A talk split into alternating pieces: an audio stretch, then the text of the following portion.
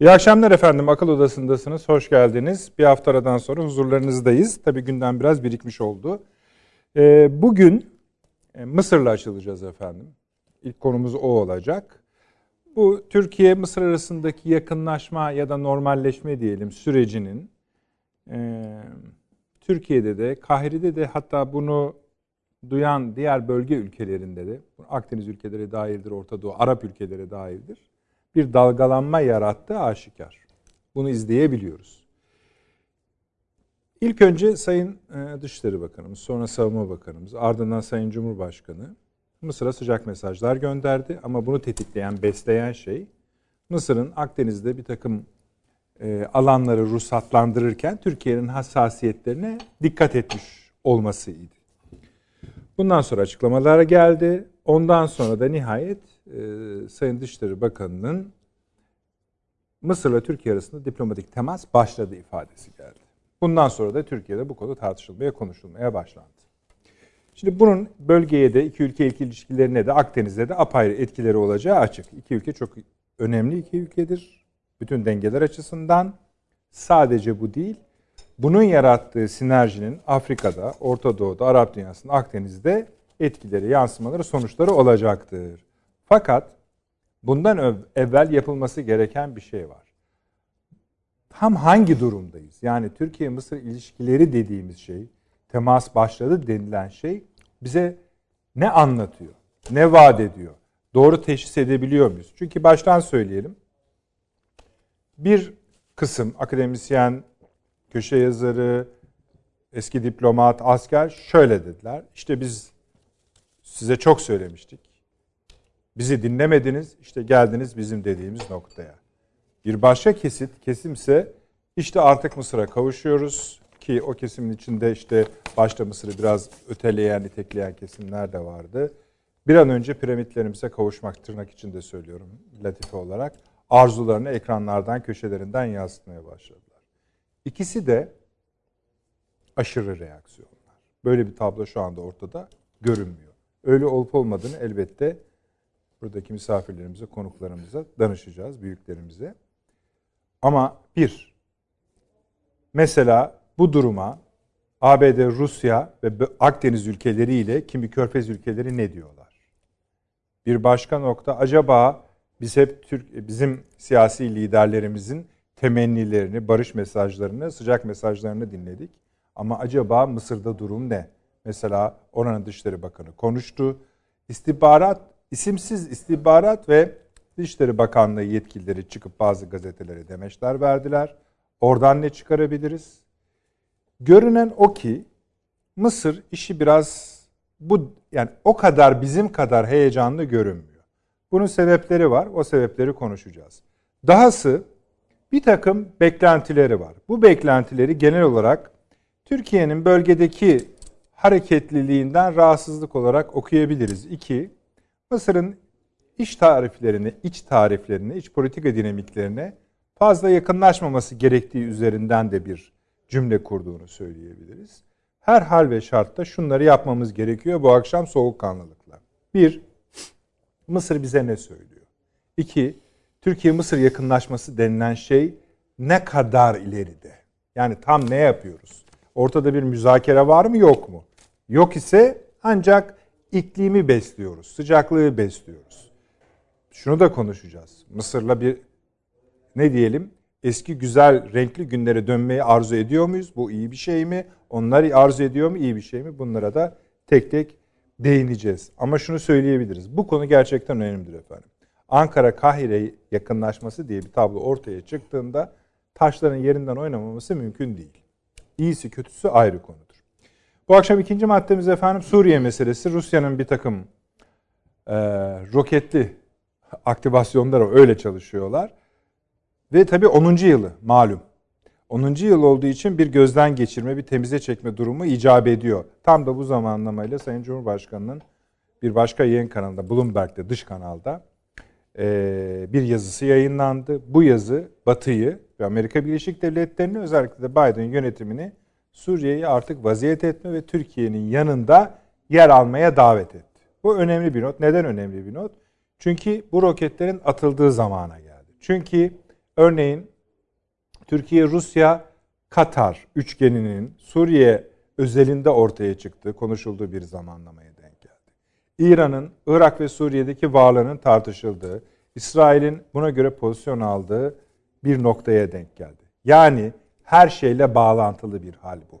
Sadece Türkiye'nin Biden yönetimine buyurun bakalım hadi demiş olması, böyle bir davet getirmiş olması bile ilginç. Bunu da ele almamız gerekiyor. Yine aynı zamanlamayla Doğu Akdeniz'de Türkiye, Doğu Akdeniz için Türkiye şöyle söyleyelim hani gençler seviyor. Alayına gider yaparak Avrupa Birliği'ne, Yunanistan'a, İsrail'e nota verdi. Dedi ki bu işlerde dedi Doğu Akdeniz'in kıta sahanlığı ile ilgili bütün işlerde bana danışın. Benden izin alın dedi. Mealini söylüyorum cümlesi öyle değil ama o laf oraya geliyor. Bunun da buraya eklenmesi gerekiyor. Onu da gayret edeceğiz buraya yapıştırmaya. 6-7 parça daha orta boy işlerimiz var. Onlara başka gözlüklerle bakacağız. Mesela İngiltere pek e, kendini belli etmez biliyorsunuz. Dedi ki ben nükleer silahlarımı azaltmak arzusundaydım. Vazgeçtim. Çoğaltıyorum. Üstelik ilgi alanımı da tamamen Asya Pasifik Çin'e yansıtacağım. Oraya abanmaya başlayacağım. Konsantrasyonumu oraya odaklayacağım dedi. Aynı zamanda Japonya, Amerika Birleşik Devletleri, Avustralya, Hindistan'ın bir dörtlüsü var. Quad deniyor yani dört, dörtlü anlamında. Onların toplantısı var. 18'inde Alaska'da iyice büyük bir şey var. Çin ve Amerika Birleşik Devletleri birbirleriyle yüzleşecekler. Savunma Bakanları, Dışişleri Bakanları. 2 artı 2 gibi. Onun ne demek olduğuna bakacağız. Fransa'da, Avrupa'da bir aşı krizi yaşanmakta. Birbirlerine girdiler. Aşının geldiğinden gittiğinden başka mesela Fransa'da tezahürü ya bırakın biz de İngiltere gibi basıp çıkalım. Şimdi Brexit zamanıdır, Brexit zamanıdır. Biz bu işlere bakalım. Avrupa Birliği artık çalışmıyor ya kadar. İşler yürüdü. Neyse uzatmayayım efendim. Ee, Libya var. Ee, NATO savaş gemileri şu anda Gürcistan'da. Bizim gemilerimiz de orada. O da ayrı bir konu. Ee, Türkiye, Rusya çok kritik bir anlaşmanın 21 1921 tarihli bir anlaşmanın 100. yıl dönümü. O var. Yunanistan Dışişleri Bakanı mesela dedi ki bir ara dedi Sayın Çavuşoğlu ile dedi bir araya gelmemiz lazım. E, fakat dedi bu gündem içinde nasıl olacak bir ambiyansın içinde onların da düzeltilmesi lazım. Aradan bir davet bu. Onu da görmemiz gerekiyor. Arne abi hoş geldiniz. Sayın Avni Özgür abi hoş burada. Bulduk. İyi akşamlar. Profesör Doktor Süleyman Seyfi Ün hocam. Hoş geldiniz. Şeref hoş verdiniz. Doçent Doktor ve Mekli Tuğgenel Sayın Fahri Enener burada. Paşam hoş geldiniz. Teşekkür Şeref ederim. verdiniz. Bu tatbikatlar meselesi var. Artık sayamadım yani. Hani evet, çok zaman yerde, gitmesin evet. diye. Onlara da ayrıca inşallah sizin konuşmanız için de ayrı bir parantez açacağınızı ümit ediyorum. Abi Mısır. Şimdi ee, Mısır'a tabii şöyle bir şey aramız Mısır'a gelirken deminden beri işte programın başlangıcından beri sadece satır başlarıyla Türkiye yani gündemin temel meseleleri saydın. Birer cümleler halinde. Evet. Bu bile 10 dakika, 10 dakika sürdü. Tabii. Bakayım hakikaten sürmüş olabilir. Evet. evet. 8 dakika evet, evet uzun aslında. Oysa Türkiye neleri tartışıyor? Yani ben birkaç gündür işte baktığımızda andımız diye bir mesele var yani Türkiye'nin gündeminde şu anda. Bu Danıştay niye evet. iptal etti? Etti mi etmedi mi? İşte hatta bu PIM bomba bırakıldı. Ne yapılacak diye. Evet. Bunları tartışıyoruz. Meral Akşener Cumhurbaşkanlığına aday olacak mı olmayacak mı filan. Bunlar bu şeyler var. Tartışmalar var yani televizyonlarımızda. Ee, keza Muharrem İnce dahil yeni partiler kurulacak dahil efendim e, işte yani bütün bunlar filan tartışıyor. Hiç şu söylediklerinizin hiçbirisi yoktu yani. Tabii. Yok. Meseleler var. Ee, onun için yani bakıldığında siz sayarken gündem maddelerini ben içer, içimde yani gülme hissi uyandırıyor. Başka yerde mi yaşıyoruz hadi? Yani aynı şeyleri konuşmuyoruz veya farklı şeyleri soluyoruz. Farklı bir atmosferi soluyoruz. Çok kritik meseleler, hassas meseleler Türkiye'nin karşı karşıya olduğu işte bu Mısır diye başlayalım dedik. Değil mi? Evet. Ama e, kamuoyunun önüne getirilen, taşınan konular, başlıklara bakıldığında hiç o hassasiyeti e, görme şansımız yok. Ne yazık ki. Ve halktan e, seç bakalım. Ne diyorsun? Sorusuna cevap vermesini bekliyoruz. Yani o kadar ki işte mezarlıkta çiçek satan kadının çocuğu Oxford'da okudum okumadım iyi varana kadar yani akşam programlarında tartışılıyor bunlar. Filan. Neyse bunları geçelim. Yani ben sadece hani bir şey olsun, tespit olsun diye bunları Tabii. söyledim. Yok, gayet de iyi yaptınız. Bu yani çok şey- şeyler söylenebilir ama biz işimize bakalım. Biz hani Türkiye Tabii yani ben bir şey hani yapıyoruz. bizim medyamızın Türkiye ile münasebeti, Türk siyasetiyle, ya Türkiye'nin siyasetinin de çok kritik, hassas meseleleri var yani. Önemli işte Milliyetçi Hareket Partisi Büyük Kongresi var, kurultayı var. Ee, AK Parti Büyük Kongre'ye gidiyor önümüzdeki dönemde. Avru- Avrupa Birliği ile ilgili işte zirve toplantısına geldik. E, NATO zirvesi var bilmem ne. Yani Tü- Türk-Amerikan ilişkileri yani bu, bunların hepsi Türkiye'nin önündeki meseleler işte bu sizin saydıklarınızın dışında yani sayıyorum tabii. ben de gibi. Şimdi bu Mısır meselesine eğer herhalde hepimiz hatırlıyoruz ki biz en az iki senedir bu Mısır, Suriye bunlar önemli. Bizim mutlaka bu tabloyu yani ilişkiler temelinde yeniden tanzim etmemiz e, icap eder diye.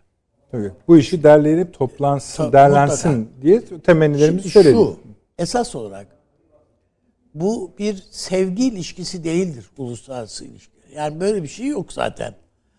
Ee, Orta Doğu'da veya dünyanın başka yerlerinde bizim ilişki kurduğumuz devletlerin hepsinin yönetici kadroları e, çok hayır ha insanlar mı yani? Sütten çıkmış ak kaşıklar mı ki başkasında başka şeyler arıyoruz ki? Yani Sisi dediğimiz insan yani dediğimiz insan geçmişte Kenan Evren bir başka versiyonu yani ne, ne olacak bunların hepsi Amerika'nın emriyle darbe yapmış filan adamlar. Yani bunlar kendiliklerinden yani çok heveskar olduklarından değil. Amerika'nın işi görülsün diye yapıyorlar bu darbeleri filan.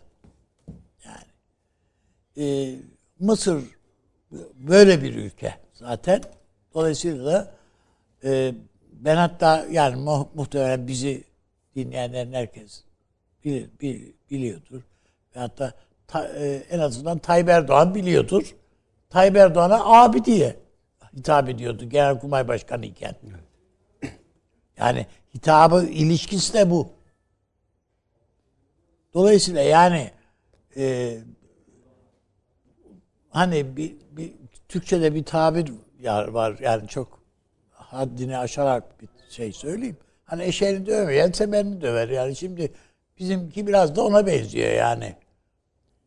Amerika, ya bu darbeyi isteyen Amerika'ydı, yaptırdı. Bu kadar basit yani. Tıpkı bizde yaptırdıkları gibi geçmişte. Dolayısıyla şimdi bizim bu ilişkiyi tanz yani zaten e, baştan itibaren yani aa ne güzel oldu deyip yakasına sarılacak, boynuna sarılacak, öpecek halimiz yok. Evet. Bir adil olmayan bir şey. Seçilmiş bir şeyi Cumhurbaşkanlığına karşı yapıldı bu darbe. Elbette biz protesto edecektik, k- şey yapacaktık falan. Çarkı geriye çevirmek için yapılabilecek bir şey varsa yap- yapacaktık ama yani öyle olmadı. Yani bizim iteklediğimiz insanı e, Fransa Cumhurbaşkanı kırmızı halıyla karşıladı. Yetmedi bir de nişan taktı boynuna. Öyle değil mi? Yani bunlar da yani bunlar da bu, bu ilişkilerin içinde yani bütün bunlar. Ee, dolayısıyla ben doğru bir hamle yaptığımız kanaatindeyim. Hamle olarak doğru. Tamam. Yani niyet olarak doğru. Ama e, o hamleyi hakikaten yaptık mı? Yaptık. Çünkü hem Sayın Cumhurbaşkanımız ifade ediyor hem e, İbra- İbrahim Kalın gibi Dışişleri Bakanımız. Yani bunlar bu insanlar ifade ediyorlar. karşılığı var mı Kahire'de? Büsbütün karşılıksız da değil orada. Evet. Gelen işaretler de böyle o yönde. Zaten o işaretler alınmamış olsa burada bu açıklamalar yapılmamış. Yapılmaz. Ben e, burada şunu ha, işaret etmek istiyorum. Efendim işte buna rağmen Mısır bilmem şuradaki tatbikata katıldı, öbürüne bilmem ne etti filan. Gerçi e, bu işte Mısır'la ilgili olarak, Suudi Arabistan'la ilgili olarak filan e, paşam bunları daha iyi değerlendirecektir. Bu tür tatbikatlar filan çok önceden planlanan şeyler. Öyle yani 24 saatin içinde karar verip biz varla Türkiye ile barıştık. O yüzden sizin tatbikata katılamayacağız falan. Yani bu hani babamın işi çıktı eve misafirliğe gelemiyoruz der gibi bir şey. Böyle bir şey yok devletler arası ilişkilerde. O yüzden şeyi önemsemiyorum. Yani o e, önemsemiyorum değil de elbette bir işarettir ama yani bu e, en azından seviyesini düşürebilirlerdi. Efendim işte F-16'ları 6 tanesi F-16 katılmaz da 2 tane F-16 katılırdı filan filan yani e, böyle bir şey olabilirdi mesela Suudi Arabistan'la ilgili olarak söylüyorum bunu. Dolayısıyla bizim e, bu ilişkileri yeniden tanzim etmek için bir niyet ve yani en azından Körfez ülkeleri, Suudi Arabistan dahil ve Mısır'la alakalı olarak böyle bir niyet ortaya koyduğumuz Dediniz ya başta. Açık. Hani bu biz en azından burada biz iki yıldır söylüyoruz demiştiniz. Evet. Neden şimdi yapılıyor? Şimdi şu biz çünkü e, başlangıçta diyelim ki mesela Suudi Arabistan'la da ilgili olarak hı hı. E, şey e, Suriye ile de ilgili olarak kardeşim biz zaten Suriye rejimini yıkacağız diye girdik. Öyle değil mi yani? Normalde Esat diyorduk, Esed diyoruz şimdi adama. Yani Amerika dahil herkes görüşüyor ondan. Bir tek görüşemeyen biz varız yani. yani varsa koysak yani işte yok bu katildir, şudur, budur filan. Yani iyi anladık tamam doğru da yani bir tek o değil ki yani ona bakarsan hepsinin elleri, eli kanlı birçoğunun. Bakarsan İran'ın mı eli temiz? Ha. Yani diğerlerine bak Orta Doğu'da. Sudan'a bak tabloya. Suudi Arabistan'a bak. Yani e, dolayısıyla yani böyle kimsenin işte bunun eli temiz, bunun eli bilmem ne falan diye bakarak şey yapmak çok isabetli değil. Ama e, biz neredeyse yani öyle ki hatırlay hatırlayalım hepimiz.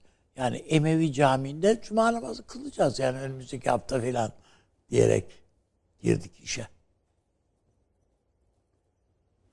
Şimdi böyle bir noktada e, orada hakim tabloda bir değişiklik yok. Yani evet kontrol ettiği alan hala e, var. Evet küçüldü bir miktar. Önemli bir miktar küçüldü, kaybetti. Ama e, bir şekilde var. Yok efendim e, işte Rusya daha çok sözü geçiyor. Yok şu geçiyor, bu geçiyor. İran'ın sözü geçiyor. Tamam geçiyor yani o ülkelerde bunlar var durum. Ama bir şekilde orada bu yönetim, Şam yönetimi duruyor kardeşim. Aynı şey Mısır'da da geldiğimizde. Yani e, oradaki problem Türkiye'nin bir ihvan şeyi var, desteği var. Bunu saklamıyor Türkiye. Açık açık. Yani her seferinde bu hatalı bir yaklaşım. Hayır yani çünkü gizlemedik, örtmedik. Şu bu filan. Ama bütün sadece Mısır'da değil, bütün Arap Yarımadası'nda tehdit olarak görülüyor. İhvan hareketi. Amerika hatta terör, terör listesine aldı. Biz ise şey diye, Rabia diye bakıyoruz olaya. Yani bakış açımızda bizim bir örtüşme yok yani şu anda. O bakımdan o kadar kolay değil yani bu ilişkilerin eski seviyesine gelmesi. Mısır'ın sadece savunma, sadece işte bu pe- petrol veya doğalgaz hatları, işte kesişti, kesişme, Akdeniz meselesi diye değil. Onun ötesinde bizim Sina bölgesinde filan çok sayıda yatırım e, sanayicimiz e, filan vardı, iş adamımız vardı. Sebebi şu, Türkiye'den ürettiğiniz malı Amerika'ya ihraç ederken gümrük ödüyoruz biz. Mısır'dan giden sıfır gümrükle gidiyor. Yani Amerika'nın iç üretimi gibi. Yani ta o kempte şeyler anlaşmalar Enver Sedat döneminde yapılan anlaşmalar dolayısıyla sıfır gümrük. Yani bu bu şansları da düşünmek, göz önüne almak lazım. Değerlendirmeyi yaparken.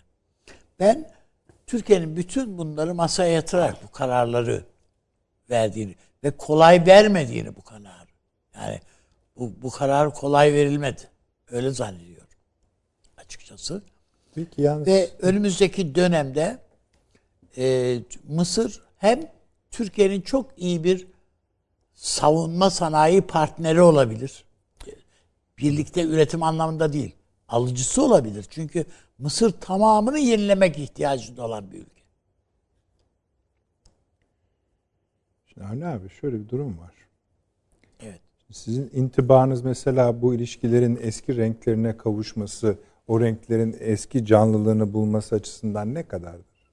Yani kolay değil yani zor. E, o zaman Ben yani ben öyle şimdi ama şöyle Olmasını yani biz gayet mesela diyelim ki Suriye'nin Arap Ligi'ne tekrar alınmasını istiyoruz. Şu Katar, doğru. Mısır'ın e, Katar'la Türkiye- da özel bir durumu var. Katar, Türkiye, Rusya üçlüsünün bir araya gelmesinin de altında Türkiye'nin de talebi olarak e, o üçlünün varlığı Suriye ile alakalı. Yani İran'ın dışlanmasının sebebi de o zaten. Dolayısıyla yani bu ilişkiler yeniden on, yani onarılırken o kadar kolay onarılmıyor bunlar. Tamam. Ama şunu kestirmeye çalışıyoruz abi. Şimdi bak bir anda bir dalga yaratıyorsunuz. Evet. Güzel. Peki buna da bir itirazımız yok. Veya şöyle gidelim o zaman. Belki daha hızlı ilerlemek mümkün olabilir. Hedefi ne Türkiye'nin? Tamam Mısır'la ilişkileri toparladık. Yani yani ne ümit ediyoruz burada? Varmak istediğimiz şey nedir? Şimdi şu, biz Orta Doğu'nun bu belirleyici iki ülkesi var. Bir tanesi Suudi Arabistan, bir tanesi Mısır. İdeolojik olarak da, kültürel olarak da Suudi Arabistan dahil bütün Orta Doğu Mısır'a bakıyor. Yani evet bana göre eski şey çekiciliği, cazibesi yok ama eleser diye bakılıyor. Yani dini tedrisatta eleser diye bakılıyor. Eleser'in e, imamı ne söylüyor? Herkes ona bakıyor.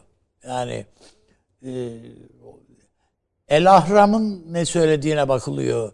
Yoksa o, o gazeteyi kimin yönettiği yönettiği filan. Hatta ona onda Fransız parmağı filan. Onlara pek aldıran yok. Şöyle Dolayısıyla o bunlar önemli. verirseniz. Yani e, Batı dünyasının da önemsediği, Orta Doğu'nun da Arap, Müslüman dünyanın da önemsediği bir ülke Mısır. Tamam. Bu Mısır bunu hak ediyor, hak etmiyor. Şöyle Tamam, onu- onu tartışmayalım. Bunları bir tartışmayalım. Bunlar ba- bahsi diğer. Peki. Şöyle yapalım o zaman. Bir ilk önce vücudunu söyleyelim işin. Şimdi Sayın Dışişleri Bakanı'nın cümleleri şunlar. Sayın Çavuşoğlu'nun. Herhangi bir ön koşul Mısır'dan gelmedi. Bizden de herhangi bir ön koşul şu anda gitmedi. Yıllarca bağlar kopuk olunca bir günde hiçbir şey olmamış gibi hareket etmek o kadar kolay olmuyor. Evet. Yavaş yavaş görüşerek, yol haritası belirleyerek ve o konularda adım atarak oluşuyor. Yıllardır ister istemez bu kadar kopukluk olunca bir güven eksikliği de oluyor. O nedenle belli bir strateji, yol haritası çerçevesinde görüşmeler devam ediyor. İstihbarat Dışişleri Bakanlığı, Bakanlıkları düzeyinde temaslarımız var. diplomatik temaslarımız başladı. Bu cümle işte Bildiğim Doha'dan kadarıyla da bu şu aşamada Milli İstihbarat Teşkilatı tarafından götürülüyor bu ilişki. işte şimdi o yani diplomatik ilişki tarifine Evet. giriyor mu bilmiyoruz. Giriyor. Giriyor. Müzakere olmadan olmaz. Evet. işte öyle. Şey. Cumhurbaşkanımız da şöyle dedi. Mısır'la istihbari, diplomatik ve ekonomik olarak zaten işbirliği sürecimiz devam ediyor. En üst düzeyde değil de en üst düzeyin şöyle bir tık altında devam ediyor. Gönlümüz ister ki Mısır'la olan bu süreci çok daha güçlü şekilde devam ettirelim. Onun içinde yapılan bu istihbari, diplomatik bunun yanında siyasi görüşmeler netice verici olduktan sonra biz bunu çok daha ileri kademelere taşırız. Güzel. Evet. Ve şimdi de bu yakınlaşma adımları sözleri duyulduktan sonra Mısır şöyle reaksiyon verdi. İlk önce Mısır istihbaratından sonra da isimsiz olmak şartıyla her ikisi de e, Mısır dışişlerinden yetkililer hem kendi medyalarına hem dışarıya İsrail basına dair konuştular. Ama e, Çok hevesli gözükmediler. gözükmediler. Ama sonuçta Mısır Dışişleri Bakanı çıkıp konuşunca bizim şu anda Tabii, artık öyle. dikkat etmemiz gereken yer, dikkatle bakmamız yer gereken yer odur. O da şöyle dedi.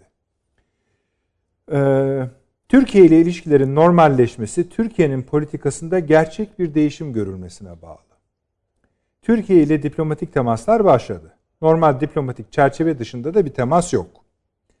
Türk dış politikasında bölgenin istikrara kavuşturulması yönünde Mısır'ın politikalarıyla uyuşan gerçek bir değişim görür isek bu ilişkilerin normal, normalleşmesi için temel oluşturulabilir. Sözler tek başına yeterli olmaz. Uygulamalarla örtüşmesi gerekiyor. Mevcut durum Türk yönetiminin Mısır'a karşı takındığı karşı tutumdan kaynaklandı. Evet bunu anlıyoruz. Şimdi bunu biraz açalım. Memnuniyetle. Se- sebep- Şeye girmiyorum. Ha. Yani bir de orada e, Kahire hükümetine çok yakın medyada çıkan Türkiye'ye ve önerilen şartlar gibi bir O garip pek yakışıksız. Yani, yani öyle. onun doğru olması da çok bana Mümkün gö- değil. yani hani zırvalıkta demem istem istemem ama bu şu Evet. demektir. Yani olmaz arkadaş Olmaz bu demek, gibi. Bu manaya gelen. Kimse- e, ben- Esasında e, işin esası şu. Buyurun. Kardeşim adam diyor ki bizim bize muhalif yani Mısır yönetimine Sisi yönetimine muhalif bir takım gruplar Türkiye'de barınıyor mu? Barınıyor. Türkiye'de bir takım radyolar var mı? Mısır'ı hedef yani hedef alan var. Bunlardan somut olarak bunların bunların himaye görmediğine veya Türkiye'nin bunlara kucak açmadığına na inanmak istiyoruz. Şimdi belki hatırlayacaksınız bir 15 gün kadar önce bir Mısırlı muhalif bir gazeteci Türkiye'de de radyo yayın şeyleri vardı. Ee, Kahire'ye gitti. Döndü. Ülkeye döndü. Kendi isteğiyle döndü. Ee, orada tutuklandı. Türkiye'nin de istediği şu. Bu insanları biz Türk yani evet geldiler bunlar rejime muhalif bir işte o darbe sonrası herkes bir yerlere savruldu. Tür- Bu arada Türkiye'ye de gelenler var. Ee, bu insanları biz ülkelerine dönmeleri konusunda yüreklendirebiliriz ama siz de kardeşim bunları tutukla, geleni tutuklayacaksanız zor yani bu işler. Zannediyorum işte istihbaratın filan devreye girmesi buralardadır herhalde bildiğim kadarıyla.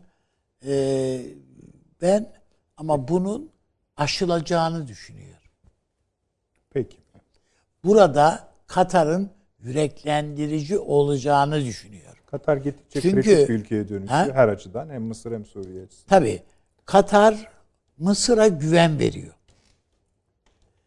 Ee, Mısır'ın çünkü şu anda Libya'dan dolayı da bir hayal kırıklığı var. Birleşik Arap Emirlikleri desteğini kesti. Bilmem ne yani Suudi Arabistan'ın filan şeyleri bütün destekleri kesildi. Amerika'da bildiği yani Mısır'a eskisi kadar şey açmıyor. Yol açmıyor.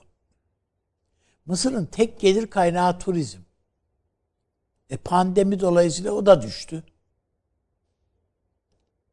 Yani bu az buz değil, 100 milyonluk bir ülkeden söz ediyoruz. O, dolayısıyla burada e, Mısır'ın da acil olarak hem Ankara ile ilişkilerini düzeltmeye hem de bu pet, şey hattını, bu petrol hattı esasında bizim Mısır'a evet ki bizim için de önemli bir anlaşma ama Mısır için önemli bir kazanım ve Mısır süratle bunu e, uluslararası petrol şirketleriyle anlaşmaya çevir, götürmek ihtiyacında. E, yani Türkiye için avantajlı Akdeniz siyaseti açısından ama e, Türkiye'den daha ziyade ve daha acil olarak Mısır'ın buna ihtiyacı var. E, aksi takdirde Mısır zaten İsrail'den alıyor şu anda doğalgazını. Yani bir doğalgaz e, dünyanın en zengin kaynaklarından birinin üstünde duruyor. Elinin altında. Ama kendisi doğalgaz veya petrol ihtiyacını İsrail'den karşılamak durumunda. Peki. Bu tabloyu süratle değiştirmesi lazım. Bunun da yolu Türkiye ile uzlaşmaktan geçiyor. Peki. Teşekkür ederim. Süleyman Hocam. Ee, şunu tespit etmiş oluyoruz herhalde. Siz de katılacaksınız. Bizim kadar heyecanlı gözükmüyor. Ee, ve uzun ve zorlayıcı bir süreç Türkiye-Mısır ilişkilerinin düzeltilmesini bekliyor. Ee, ve bunun yanında da birçok açıklamamız gereken bölge içi denklem var. Mesela işte demin zikredildi. Katar'ın Mısır ve Suriye üzerindeki rolleri gibi. Çünkü e, Paşam da galiba geçen ondan önceki hafta mı bahsetmişti. Bu şey ziyaretinden önceydi. Sayın Dışişleri Bakanı'nın evet. doğa ziyaretinden önce. Katar hani bu şekilde bir anahtar oyuncuya da dönüşüyor. Ve yani ikna edici ve arabulucu şeyi de var. Evet. Güçlü bir yüzü var. Ama şöyle yapalım. Bir, siz bu anlaşmayı nasıl tarif ediyorsunuz? İhtiyaç nedir? Neden? Anlaşma, yani yakınlaşmayı, yakın. normalleşmeyi kastediyorum. İhtiyaç nedir? Ee, ve rasyonel süre içinde bir yere varabilir miyiz? Şimdi biraz matruşka bebekler gibi görüyorum. Bu, öyle ama. Ee, Mısır diye elinize alırsınız. Açarsınız arkasından körfez çıkar. Şimdi mesela demin Üstad doğru söyledi. Entelektüel birikimi Arap dünyasının ağırlıklı olarak Mısır'dır. Hı hı. Ama Mısır fakirdir. Yani fikir var diyelim ki para yok. Para da en fikir sizin elinde.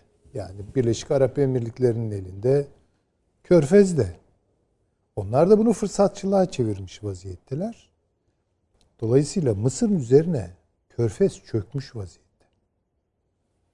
Yani bütün o El Eser'miş, işte din alimleriymiş, Mısır'ın üniversiteleriymiş, Hocam bir de Mısır'ın biliyorsunuz en önemli aydınları batıya kaçtılar yani. Şey, Fransa'ya falan yerleştiler. Ya o zaten o Fransa'ya falan yerleşen adamların da entelektüel kalibrelerinden işte yani çok o, emin tabii. olamıyorum. O, o Ama zor, mesela teolojik olarak yani bir ağırlığı var Mısır'ın.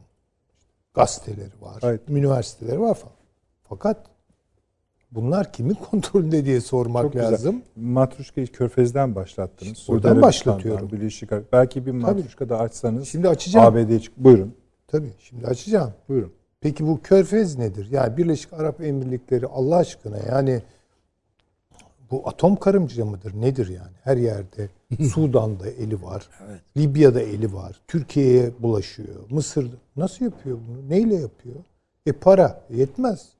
Bunun arkasında başka bir fikir olması gerekiyor. Başka bir organizasyon olması gerekiyor. Buna da baktığınız zaman tabii ki Amerika Birleşik Devletleri ile Körfez arasındaki ilişki ortaya çıkıyor. Yani ben şöyle düşünüyorum. Amerika Birleşik Devletleri Mısır'a baktığı zaman sadece Mısır'ı görmez. Suudileri görür. Birleşik Arap Emirlikleri'ni görür. Afrika'yı görür, İsrail'i görür, Akdeniz'i tabii, görür. Tabii, görür muhakkak, görür. muhakkak. Şimdi benim için önemli olan burada eğer Türkiye ile Mısır yakınlaşacaksa şu veya bu karşılıklı yarar temelinde bu ancak ve ancak Amerika Birleşik Devletleri'nin körfez siyasetiyle Mısır siyasetinin alışıla gelmiş çizginin dışına çıkma temayülü göstermesiyle mümkündür. Çünkü niye öyledir? Şimdi mesela bir küre koalisyonundan bahsediyoruz. Trump döneminde işte Kushner'ler, yüzyılın anlaşması falan filan. Merkezde ne var? İsrail. İsrail'in yararları var. Evet. Suudiler, Körfez ülkeleri, Katar hariç buna destek verdiler. Mısır destek verdi. Herkesin destek verme tarzı biraz değişikti. Sahiplenme e, iştahı değişikti. Ama sonuçta girdiler bu topa. Şimdi bu Trump döneminde ve biz şimdi hep şöyle okuduk Trump dönemini. Türkiye'de hatırlayın Amerikan seçimleri olurken Trumpçılar ve Biden'cılar var. Hala da var galiba. ne kadar e, düz bir okumadır bu. Yani neyi konuşuyoruz? Trump döneminde Orta Doğu'ya verilmiş özel bir ağırlık vardı. Ama bu ağırlığı çok sekter bir biçimde veriyordu. Yani çok dağıtmıyordu. Bir yere yoğunluyordu onu. Ve bu yoğunluk üzerinden İsrail'di burada. İşte bu yoğunlaşmaya dahil olanlar ile olmayanlar arasında mesafe açılıyordu. Kim dışarıya çıkıyordu burada? Türkiye dışarıya çıkıyordu. Kim? Katar. Kim? İran. Şimdi Biden ne yapıyor? Biden diyor ki yok işte diyor bak Mısır'daki diyor darbe yaptı diyor. Diktatör o diyor. Suudiler diyor işte Kaşıkçı'yı öldürdüler diyor. Körfez'e yüz vermiyor. İşte bir İran'la anlaşacağım diyor birden ortalık çok farklı bir resim sundu bize. Şimdi Türkiye'nin çağrısı zamanlama olarak herkes şöyle okudu. Direndi direndi Türkiye. Yani fazla ego yaptı bu konularda. Sonra baktı ki tıkanıyor. Mısır'ın kapısını çaldı. Hiç öyle bir şey Hiç yok. öyle bir şey yok. Tam da ha. iyi ki buralarda söyledi konu bir kıvam noktası ha, var. Bir kıvam noktası. Kıvam noktasını bulduğu için dışişleri bu hatayı. Öyle. Aynen öyle. Bu bir anlaşma umuduyla yapılmış, bir işbirliği umuduyla yapılmış bir şey Çok değil. Sadece şunu söyle. Bak kapalı bir kapı var. Ben bunun arkasındayım. Sen de öbür taraftasın. Ya en azından kapıda eşikte bir konuşabiliriz bazı şeyleri. İlla içerilere girip çıkmak falan gerekmiyor. Yani, Ve gösteriyor. Suudi Arabistan'ın durumu şimdi bu. Aslında Mısır'ın ki direnç göstermek oluyor. O bahsettiğiniz Tabii. metinler. Çünkü siz bir davette bulunuyorsanız bu şu demektir. Elinizi açıyorsunuz. Karşı taraf kapanıyor ve gardını alıyorsa bu onun çaresi aslında Mısır sadece Mısır değil tabii ki bunun içinde Ürdün de var kendine göre ya ne olacak bundan sonrası işte Birleşik Arap Emirlikleri de afallamış vaziyette Suudiler İsrail öyle. İsrail de bile. Libya'nın düzeni bambaşka. Bugün bile değişti. İşte tabii. yeni bir hükümet var Sair. Ve konuşuyoruz. Mısır'la bu sizin dediğiniz gibi açılma kapanma hareketleri gerçekleşirken diğer partnerlerine Türkiye toptan nota veriyor gibi mesela. Tabii ki. Şimdi evet. yani demek istediğim Türkiye bu çözülmeyi gördü. Daha doğrusu bu savrulmayı gördü. Şimdi burada tabii ki öncelikler açısından işte Doğu Akdeniz'de deniz paylaşımı, işte enerji, doğalgaz, istikbali, geleceği vesaire ki bunlar bugünden yarın olacak işler değil. Ama en azından Mısır'a dedi ki yani bak zor duruma düşüyorsun. Ben şimdi tercüme etmeye çalışayım. Gayet Nasıl anlıyorsun? Tam yaptığımız bu ha, zaten. Yani bak, Mısır yani gidişin gidiş değil kardeşim. Yani. Evet doğru zaten. Ha. Şimdi işte ihvancılıktır, yok bilmem darbedir falan. Bak şöyle yapalım. Ekonomik olarak da evet bir azalma var e, hacimde ama ben baktım böyle aman aman bir düşüş de yok hala. Yani şey devam ediyor nasıl İsrail'le devam ediyorsa Mısır'la da devam ediyor şöyle veya böyle veya Birleşik Arap Emirlikleri'yle devam ediyorsa öyle devam ediyor. Yani işin bir ekonomik boyutu var. Bak bu siyasetten etkilenmedi ya da az etkilendi. Bak olabiliyor demek ki. Teknik olarak siyasi kavgalarımızı merkeze almadan yapılabilecek karşılıklı yarar üzerine bir şeyler varsa gel yapalım. Eminim ben bakın kolay kolay bu kelimeyi kullanmam, kullanmam. Mısır diplomasisi derin bir ah çekmiştir. Oh değil, ah çekmiştir. Ya keşke şu fırsatı değerlendirebilsek. E, göz göre göre Kıbrıs kadar yer kaybediyor. Kimin zoruyla oluyor bu? Amerika'nın zoruyla oluyor. Yani bu adamlar Mısır'ı bir miligram bile sevmiş olsalar. Bir miligram canım. Bir içlerinden bir ah geçer. Ama henüz konjonktür, dönem. Bugünden yarına bizdeki siyasi tartışmalar işte düzeyini demin üstad söyledi. Çünkü e, bilgisizlik acelecilik getirir. Ama biraz bilgi sahibi olursa insanlar acele etmemeyi de öğrenirler. Yani soğukkanlı düşünürler. Bu bugünden yarına çözülecek bir mesele değil. Bir dakika bir de nasıl çözülecek? Siyaseten mi çözülecek? Yani biz şunu mu diyeceğiz Mısır'a? Valla çok güzel bir darbe yapmışsın. Meğer biz hani e, evet, uzaktan evet. tam görememişiz. Eline sağlık mı diyeceğiz yani? Tabii ki demeyeceğiz. Tabii ki orada hakkı yenmiş büyük demokratik bir kamuoyunun ki bu adamcağızların hakikaten ben Mursi'nin iktidarında sorunlu gördüğüm tarafları zaten ilk günden beri söylemişimdir. Ayrı bir şey. Yanlış politikalar uyguladığı yerler var. Her neyse ama seçildi. Demokrasiye erken doğum yaptırmak zor zor. E, zor hocam. oldu. Onun için zor oldu. Hı. Bir de yani hakikaten Türkiye'nin tecrübesinden yeteri kadar faydalanmadı. Ama yani bu seçilmişti. Hı. Ve ona oy veren dindar Mısırlılar ki baya baya dindar insanlardır. Demokrasiyi benimsemişlerdi yani. Evet. Yani, iyi ya. Şimdi Amerika'nın terör listesine aldığı ihvan bu. Düşünün yani bunu terör listesine alıyor. Darbeciye halı seriyor. Şimdi Bu demek istediğim... Türkiye'nin ben bir eksiklik olacağını düşünmüyorum. Yani Sisi'nin pozisyonuna ilişkin Hayır, hayır, hayır. Şey e... Sisi gidici ama Sisi'nin gidişini belirleyecek. Çünkü şuna bakmamız lazım. Bu küre koalisyonu tuzla buz olduktan sonra yani dağıldıktan sonra Mısır nereye tutunacak? Birleşik Arap Emirlikleri eskisi kadar Aynen öyle yapın hocam. Şöyle yani o kıvamın ne olduğuna ilişkin tarifi genişletelim bence. Tamam. Yani Suudi Arabistan, Birleşik tabii, Arap tabii, oraya getireceğim zaten. İsrail'in durumu. Tabii. Buyurun. Yani ben bir hatta tek bunları... şeyi bir dipnot olarak size söyleyeyim mi hocam? Onu da değerlendirirseniz sevinirim. Şeyi unutuyoruz. Mursi seçildiği zaman ilk ziyaret edenlerden birisi Tayyip Erdoğan. Kahire'ye ilk gitti ve orada yaptığı bir konuşma var. Laikliğe dikkat edin evet, dedi, evet. değil mi? Laik bir düzen kurun dedi. Heh. Şimdi yani şey ihvan hareketi için veya ona o o gay şeyle gayretle gittiği düşünülen Amerika tarafında filan bir insanın söyleyeceği laf mı bunlar? Yani değil. Tabii, evet. Yani Tayyip Erdoğan'ın Mısır siyasetini değerlendirirken bunu da göz ardı etmemek doğru, lazım. Doğru. Şimdi ben hatta not almıştım onları. Körfez, Birleşik Arap Emirlikleri, Yunanistan, Mısır, İsrail, e, Suudi Arabistan'ı söyledim. E, Bence bu, ABD bir, ve Rusya'yı da büyük kalemler olarak buraya bir eklemekte... Şimdi ona, onu yapacağım da. Yani Hı. şimdi Amerikan ağırlığını Trump dönemindeki Amerikan'ın bakın çok yanlış bugün Trump sevmek var ya böyle Trump'ı sevmek ayrı bir şey. Seversin sevmez ama şunu unutmamamız lazım. Trump döneminde Orta Doğu'ya verilen ağırlık Türkiye'yi doğrudan değil. Doğrudan hiçbir zaman karşısına almadı. Ve bu bizi yanılttı. Hı hı. Ama dolaylı olarak müthiş sıkıştıran bir şeydi.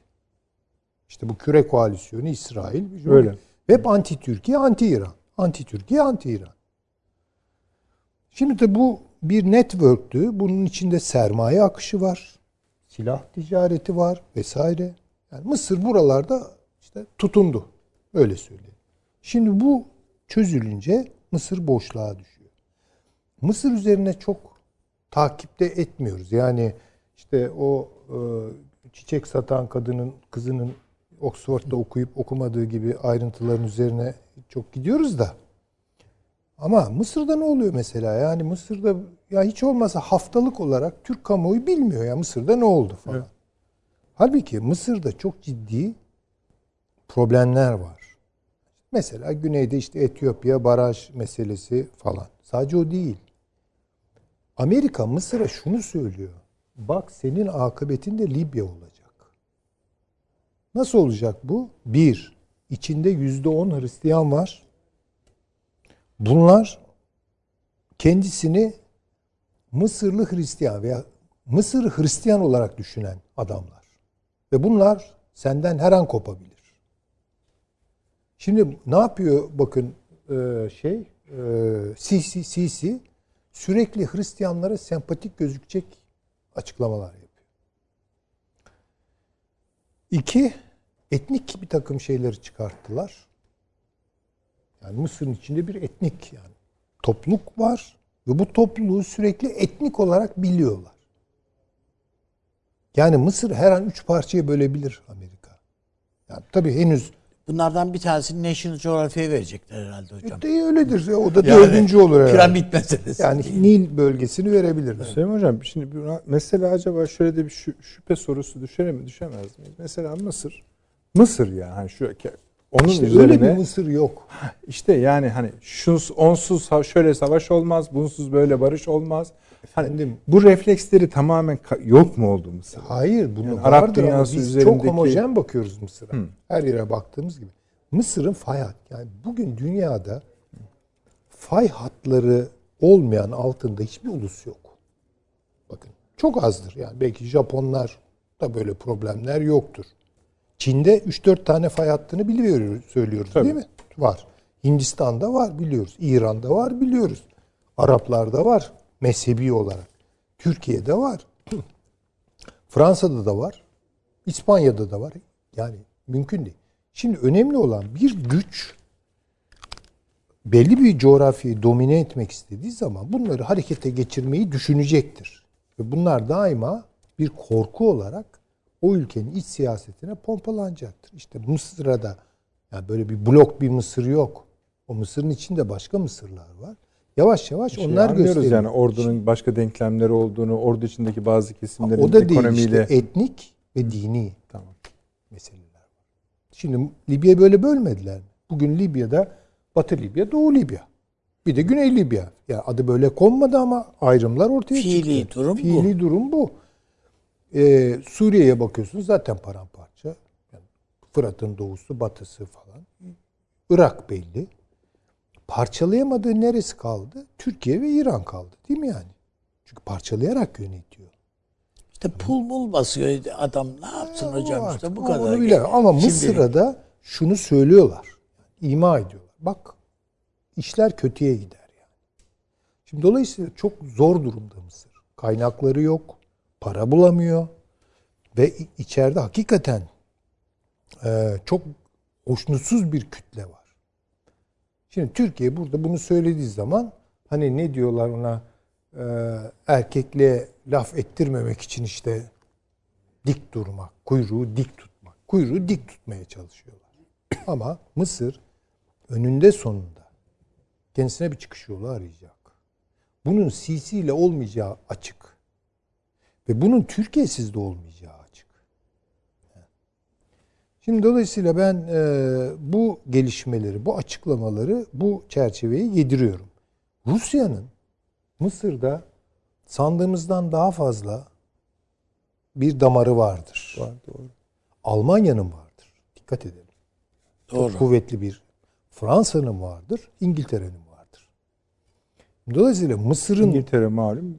E, tabii Şimdi ama peki tamam siz devam edin. ya şimdi Mısır'ın e, her an o yekpare görünümünün altında o çatlaklar işlemeye başlayabilir. Bu e, parasızlıkta daha da kolay hale geleceği için Mısır'ın şu anki konumu mümkün olduğu kadar kendini ekonomik olarak düzeltmek vesaire açığa çıkartmak. Biraz yani insanların karnı doysun. Biz Mısır halkı nasıl yaşıyor bilmiyoruz. Ama ben iyice bir zamanında Mısır'a, Kahire'ye gittim. Yani tahammül, gözümün tahammül edemeyeceği manzaralar gördüm. Yazık. Yani çok üzü- üzüntü vericiydi. Yığılmış çöp dağları vesaire. Mezarlıklarda yaşayan insanlar. Şimdi daha kötü olduğuna adım kadar eminim. Hal böyleyken bu aynı şekilde e, şey için, Körfez için geçerli. Yani Birleşik Arap Emirlikleri de boşluğa düştü. Açığa düştü.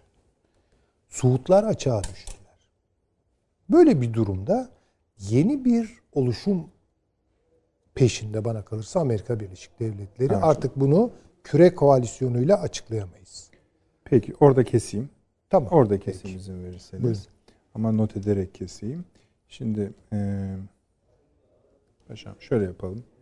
Ben arkadaşlarımdan rica edeyim reklamı biraz erken alsınlar. Ortaya gelmesin. Biliyorum bekletiyorum. Ama biraz da mahsus yapıyorum. Çünkü size uz- uzun parçalara ayıracağım. Şimdi Süleyman Hocam şeyi özellikle bu kıvam meselesini açtı iyi oldu. Ama bence tam meme kıvamına getirmedi. Kulak memesi kıvamına. Evet. Kızıyor, kızmıyorsunuz değil mi? Yok, hayır, zaten, Onu biraz e, konuşmak istiyorum tamam. çünkü ben. Bu tartışma Türkiye'de oraya varacak çünkü. Biz bu hani Avni abi dedi ya açılışta bakın, yani biz o- bakın nelerden bahsediyoruz. Bu iş oraya gittiğinde tamam mı biz dedik demedik'e gelecek mesele. Evet, ama şimdi o çok yanlış. Bakınız birçok şeyi yanlış konu. İstihbaratlar arası ilişki sürüyor. Ne demek bu? İstihbaratlar ne zamandan beri diplomasi yapıyor? İstihbaratlar ne zamandan beri siyaset öyle bir şey olamaz zaten. Ama istihbaratlar arasında zaten gerilimli ilişkiler Evet, var. var. Suçlamalar var. Ama zaten Bu- bu- Cumhurbaşkanı'nın özellikle okudum. Siyasi boyutu da diye ekledi ya. O yani işte asıl konuşulması gereken oraya- ve nihayetinde de bahsettiğiniz ABD'nin yeni oraya Bunlar, gelmeyecek. bunlar bakın şık davetiye. Cumhurbaşkanı da Cumhurbaşkanı da biliyordur. e, Bürokratlar da biliyordur ki bu iş sadece davetin şıklığı içindir. Cazibesini Peki. arttırmak için. Yoksa Konuşalım. bunun karşılığının olduğunu ben Tamam, zannetmiyorum. Peki. Efendim hemen dönüyoruz.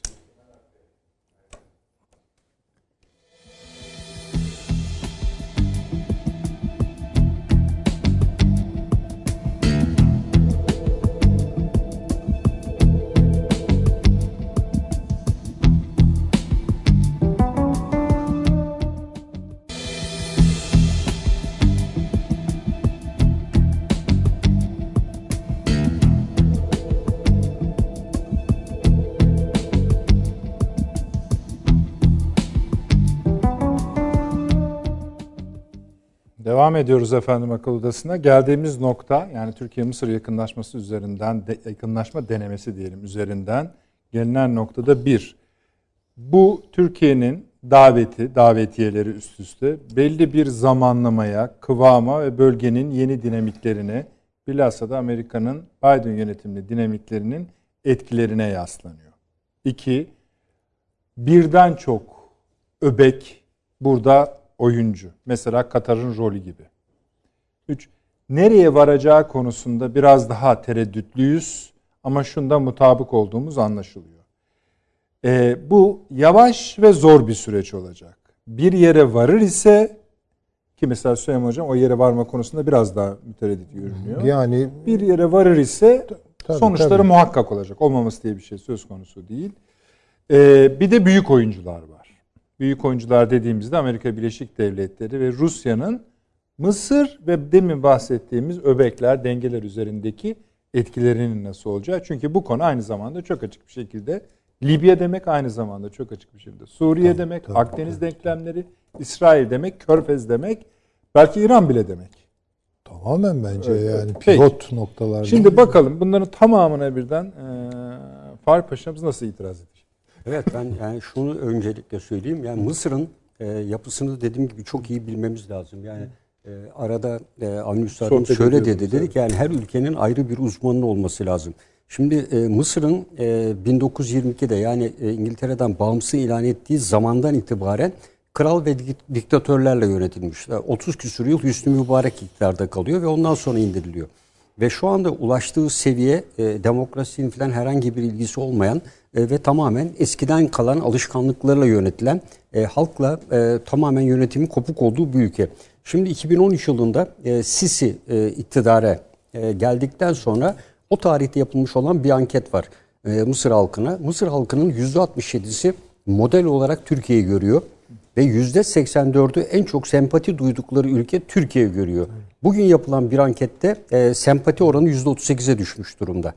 Yani e, Türkiye'nin e, aynı zamanda sadece yönetim değil Mısır halkı üzerinde de e, ciddi bir şekilde çünkü yönetimin Mısır halkına aktardığı bazı şeyler var. Yani %84'ün %38'e düşmesi üzerinde ciddi bir şekilde düşünülmesi gereken bir konu.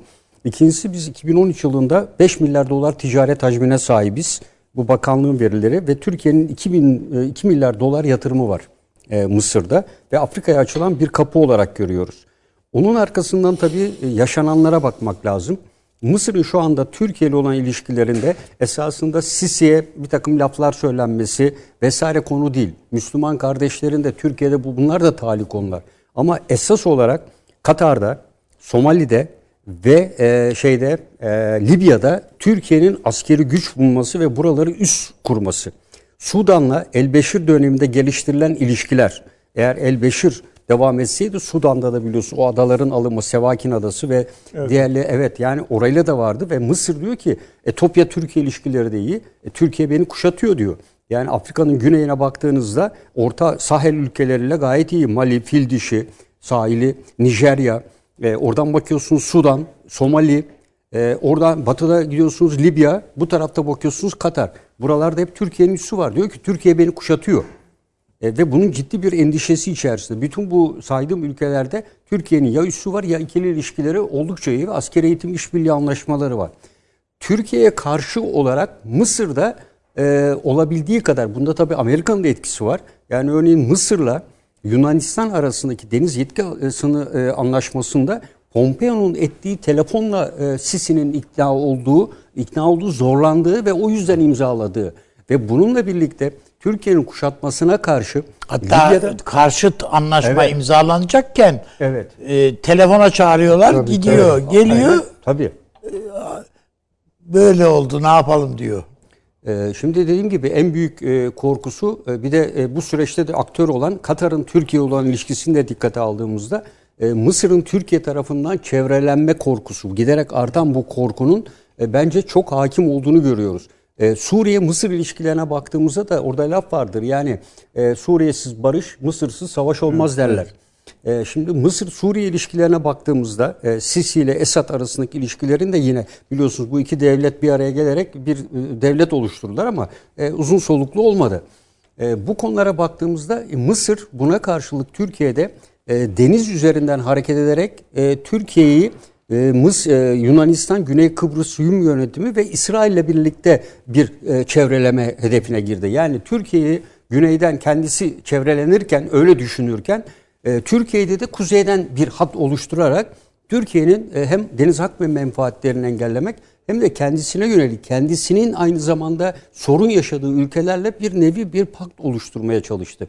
Bunda tabi Amerika Birleşik Devletleri'nin yoğun bir desteği var. Özellikle Sina Yarımadası üzerinde İsrail'e yönelik olarak işte Sünni teröristleri yapacağı saldırılara, eylemlere karşı terörle mücadeleyi teşvik etmesi ve İsrail'in güneyden güvenliğini sağlaması Amerika Birleşik Devletleri tarafından Mısır üzerindeki rolde birinci derecede etkili oluyor. Yani bu bölge üzerinde e, İsrail'in güneyden e, yapılacak saldırılardaki bu İsrail'de de büyük ölçüde elini rahatlatan bir konu.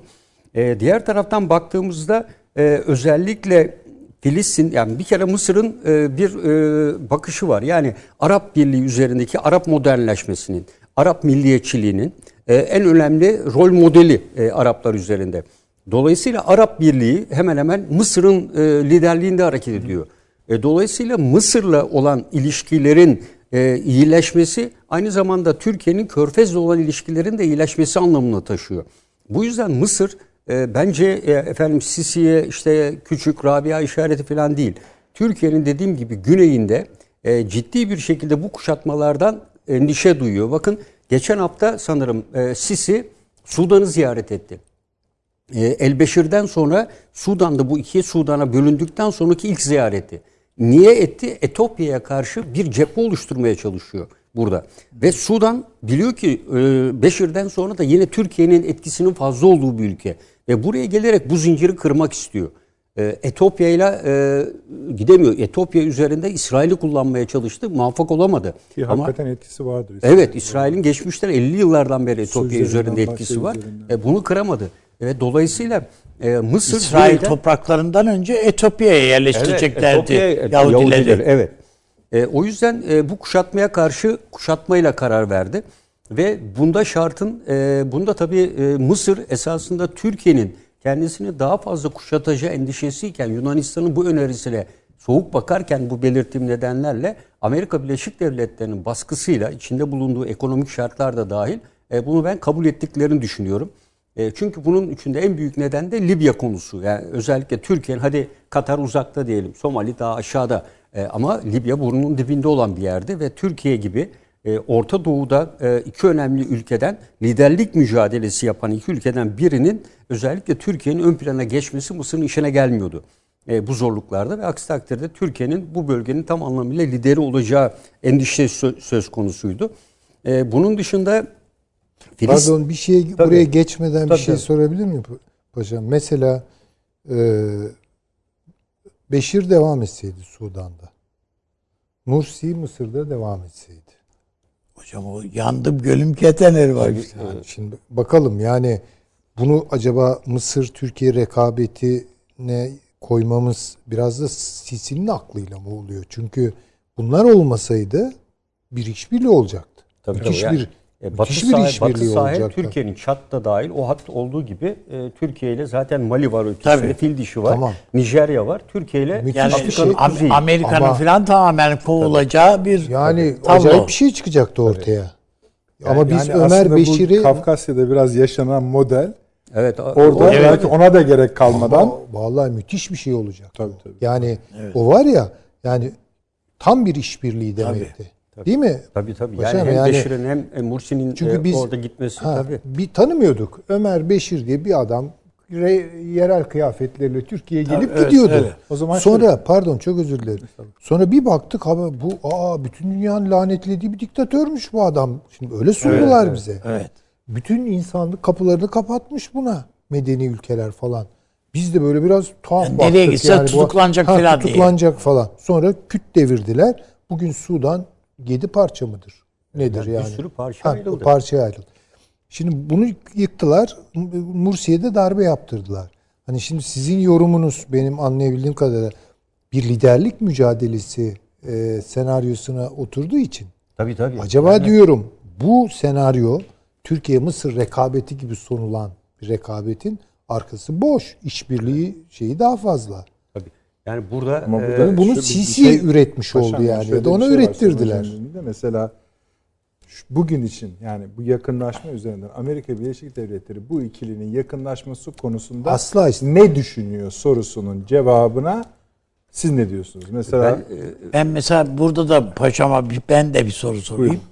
Şimdi evet bu m, hocamın da dile getirdiği e, tablo var. Ama bu tabloya şimdi Türkiye yakın zamanda Katar ve Rusya ile üçlü bir şey yaparak da hatta dahil İran'ın da biraz bozulduğu yani söyleniyor. Evet, şey Öyle ama Katar, çıkıyor. Mısır üzerinde Katar'ın da bir ağırlığı var.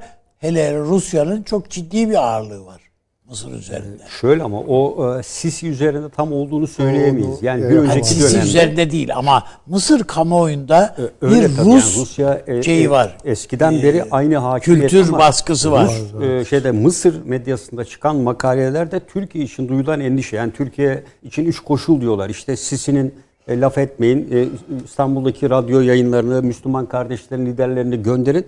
Libya'daki e, askerlerinizi çekin. Üç temel ilke. Esasında bu e, örtülü olan buzdağının e, esasında çok çok altında olan Dediğiniz gibi çevreleme. kuşatılı. Evet, tabii, tabii, bizi doğru. kuşatıyorsunuz diyor siz Ama olarak. şeyle Elbeşir'in gitmesiyle o endişesi yok olmuş değil. İşte ziyaret şu anda şu anda da zaten Türkiye'nin e, Sudan'da ilişkileri falan son derece ciddi. ay- Zaten e, e, şu anda Beşir'in oğlu Evet. ve Sudanlılar esasında Güney Sudan'da petrol Evet. tarafı ağırlık olan burası fakir Sudan. Kuzeyi fakir Evet, olarak doğru. kaldı. Şimdi Beşir'i e, Sudanlılar e, Uluslararası Ceza Mahkemesi'ne mesela teslim etmediler. Evet. Yargılanmak için istediler. Hayır diyor. Asla teslim etmeyiz dediler. Yani bu maksatlı olarak yapılmış olan bir e, tiyatrodur e, diyerek Beşir'i teslim etmediler. Yani öyledir veya böyledir. Ama sonuçta Türkiye'nin oluşturduğu Orta Afrika yani Batı Sahel hattının Evet. tamamen Türkiye'nin bir işbirliği ve kontrolü anlamına giriyordu.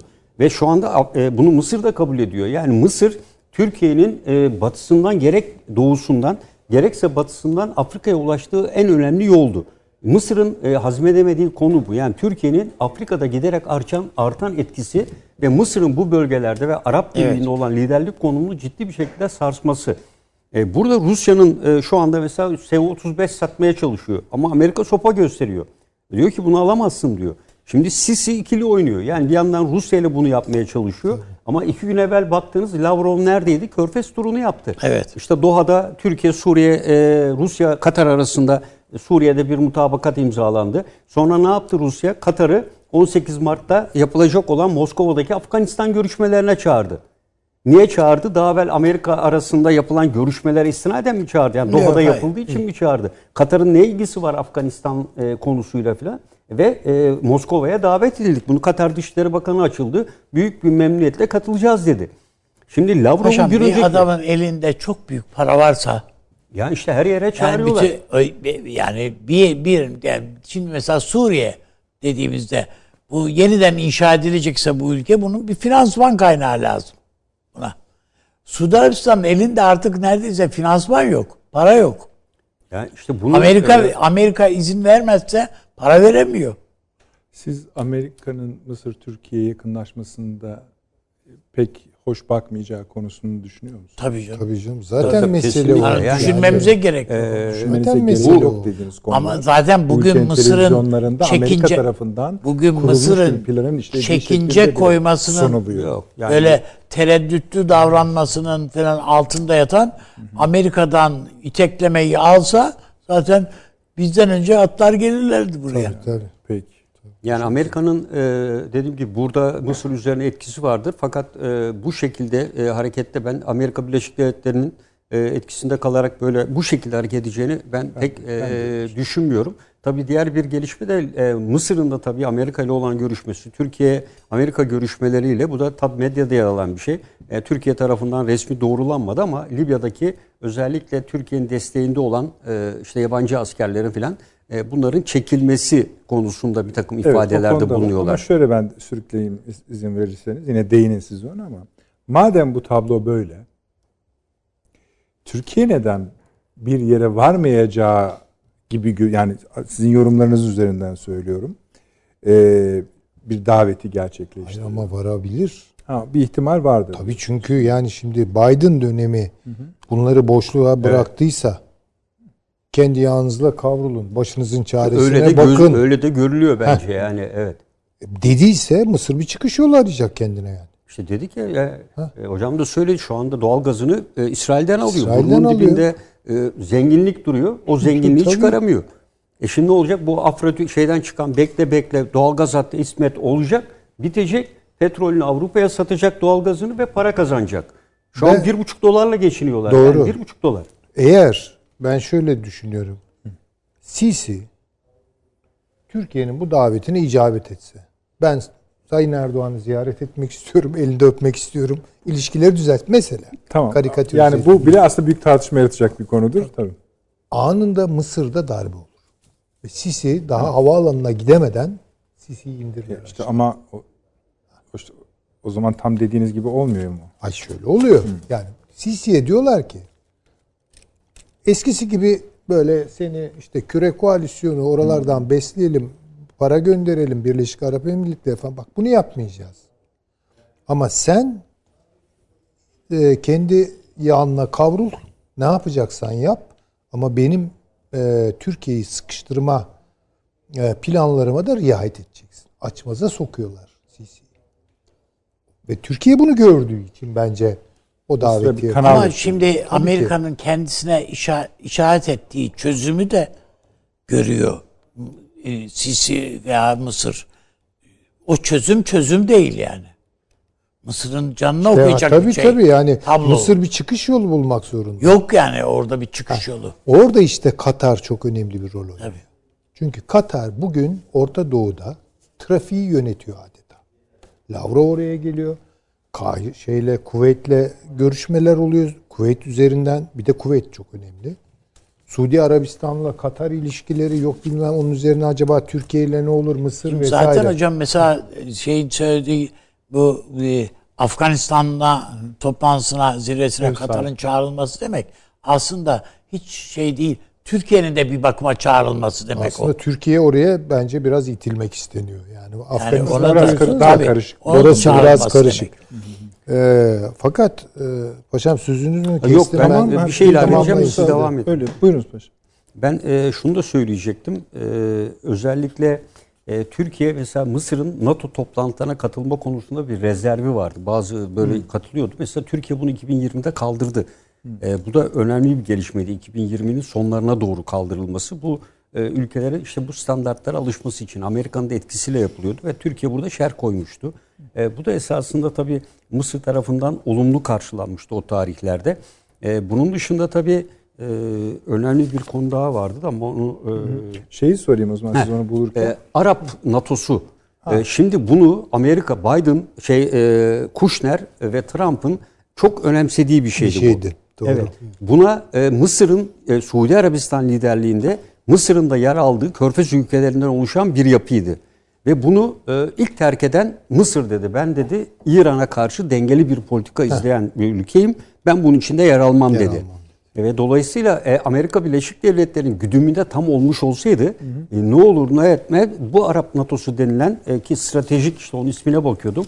Orta Doğu Stratejik İttifakı ismi. MESA kısa adıyla İsrail, Amerika, Suudi Arabistan, Birleşik Arap Emirlikleri, Mısır'dan oluşacak bir yapıydı. Hayata geçmedi. Türkiye'de hep konuştuk Arap NATO'su, Arap NATO'su ama Sisi dedik hayır dedi. Ben dedi İran'la beni karşı karşıya getiremezsiniz dedi. Ee, ve e, bunu ortaya koydu. İşte ben buradan hareketle eğer Amerika Birleşik Devletleri'nin tam kontrolünde olsaydı e, bu sistemin içinde yer alırdı. Peki. Rusya konusunda ne düşünüyorsunuz? Rusya farklı. Yani Rusya'nın e, Rusya her zaman diyorum ya e, Rusya açık bir şekilde yapmıyor bunu. Bakın Su-35'ler için ciddi bir şekilde bastırıyor. Bugün Ha, Türkiye ile yakınlaşmasına acaba nasıl bakar? Mısır'ın. Bence olumlu. E, bakar. olumlu bakar, bakar tabii ki. Tabii. Yani e, onun güneyindeki bölgeler e, düşünün yani Katar Türkiye ilişkileri Rusya'nın da menfaatine. Tabii. Körfez'de ona bir alan açıyor. Lavrov biliyorsunuz bundan Tabii. iki ay evvel ne yaptı? Balkan turu. Batımızda. Şimdi nerede? Güneybatımızda. Körfez turunda. Daha evvel nereye gitmişti? İran'a gitmişti. Yani Rusya sürekli olarak dolanıyor. Bu Amerika'nın e, Rusya'yı çevrelemesine karşı bugün Gürcistan'ın oradaysa e, savaş gemileri e, Ruslar da e, güneydeler. Yani e, bir de Mısır'la olan ilişkilerini dikkate aldığımızda Amerika'dan çok daha eski e, sürece dayanıyor. E, bunda Rusya'nın ben bunu çok memnuniyetle karşılayacağını düşünüyorum. Destekleyeceğim. Ben e, yani öyle zannediyorum ki herhalde hocalarımız da öyle e, şey yapabilirler, değerlendirebilirler. ve farklı da olsa. E, bakıldığında e, Rusya'nın siyasi şu mu yapar, Mısır şöyle mi yapar filan. Türkiye biraz da bu Avrupa Birliği'ndeki zirveyi bekliyor. Biraz da. Yani birçok konuda kartlarımızı doğru koymadık. Koyamıyoruz. Amerika ile ilişkiyi acaba Biden filan ne oluyor ne bitiyor bir tarafı burada bir beklentimiz var. Ne olacak ne biteceği bekliyoruz. Hem bir taraftan Avrupa Birliği ile ne olacak bunu bekliyoruz. Onun sonuçlarını bekliyoruz falan. Yani burada ben o yüzden Mart sonunda Türkiye'de de hem işte bu parti kongreleri, e, bir takım değişiklikler, şunlar bunlar ne olacak ne bitecekse yani bir Mart sonu Nisan ortasına kadar e, ben çok daha net bazı şeyleri konuşma imkanımızı olabileceğini düşünüyorum. Peki şunun için ne diyorsunuz? Kısmen değindiniz ama bence bu akşam az konuşuldu bu konu. Rum kesimi e, Yunanistan, Mısır, İsrail, Akdeniz üzerinde gelişen ve hangi konu konuşulursa konuşulsun esasında Türkiye'de bir parça karşıya koyan bir ittifak denemesi bu. E, bundan nasıl etkilenir? Yani Yunanistan'ın gösterdiği reaksiyon bir ipucu sayılır mı? Veya verdi verdiğimiz nota Şu, şöyle yani ben Yunanistan'ın boş atıp dolu tutmaya çalıştığı kanaatindeyim hep. Yani her konuda. koşa koşa gittiler Yani diyorsunuz çok Kahire'ye. çok istekliler canım bu- bu konularda. Yani Türkiye aleyhine olsun yeter ki yani e, elinde tuzlukla koşuyor yani ne olursa. Onun için yani e, çok fazla Yunanistan'ın tepkisini önemsemiyorum. Şu tatbikatların maliyetini bile karşılayabilecek durumda değil Yunanistan. Yani iki gemisini benzin yükleyemedikleri için geri çektiler ya.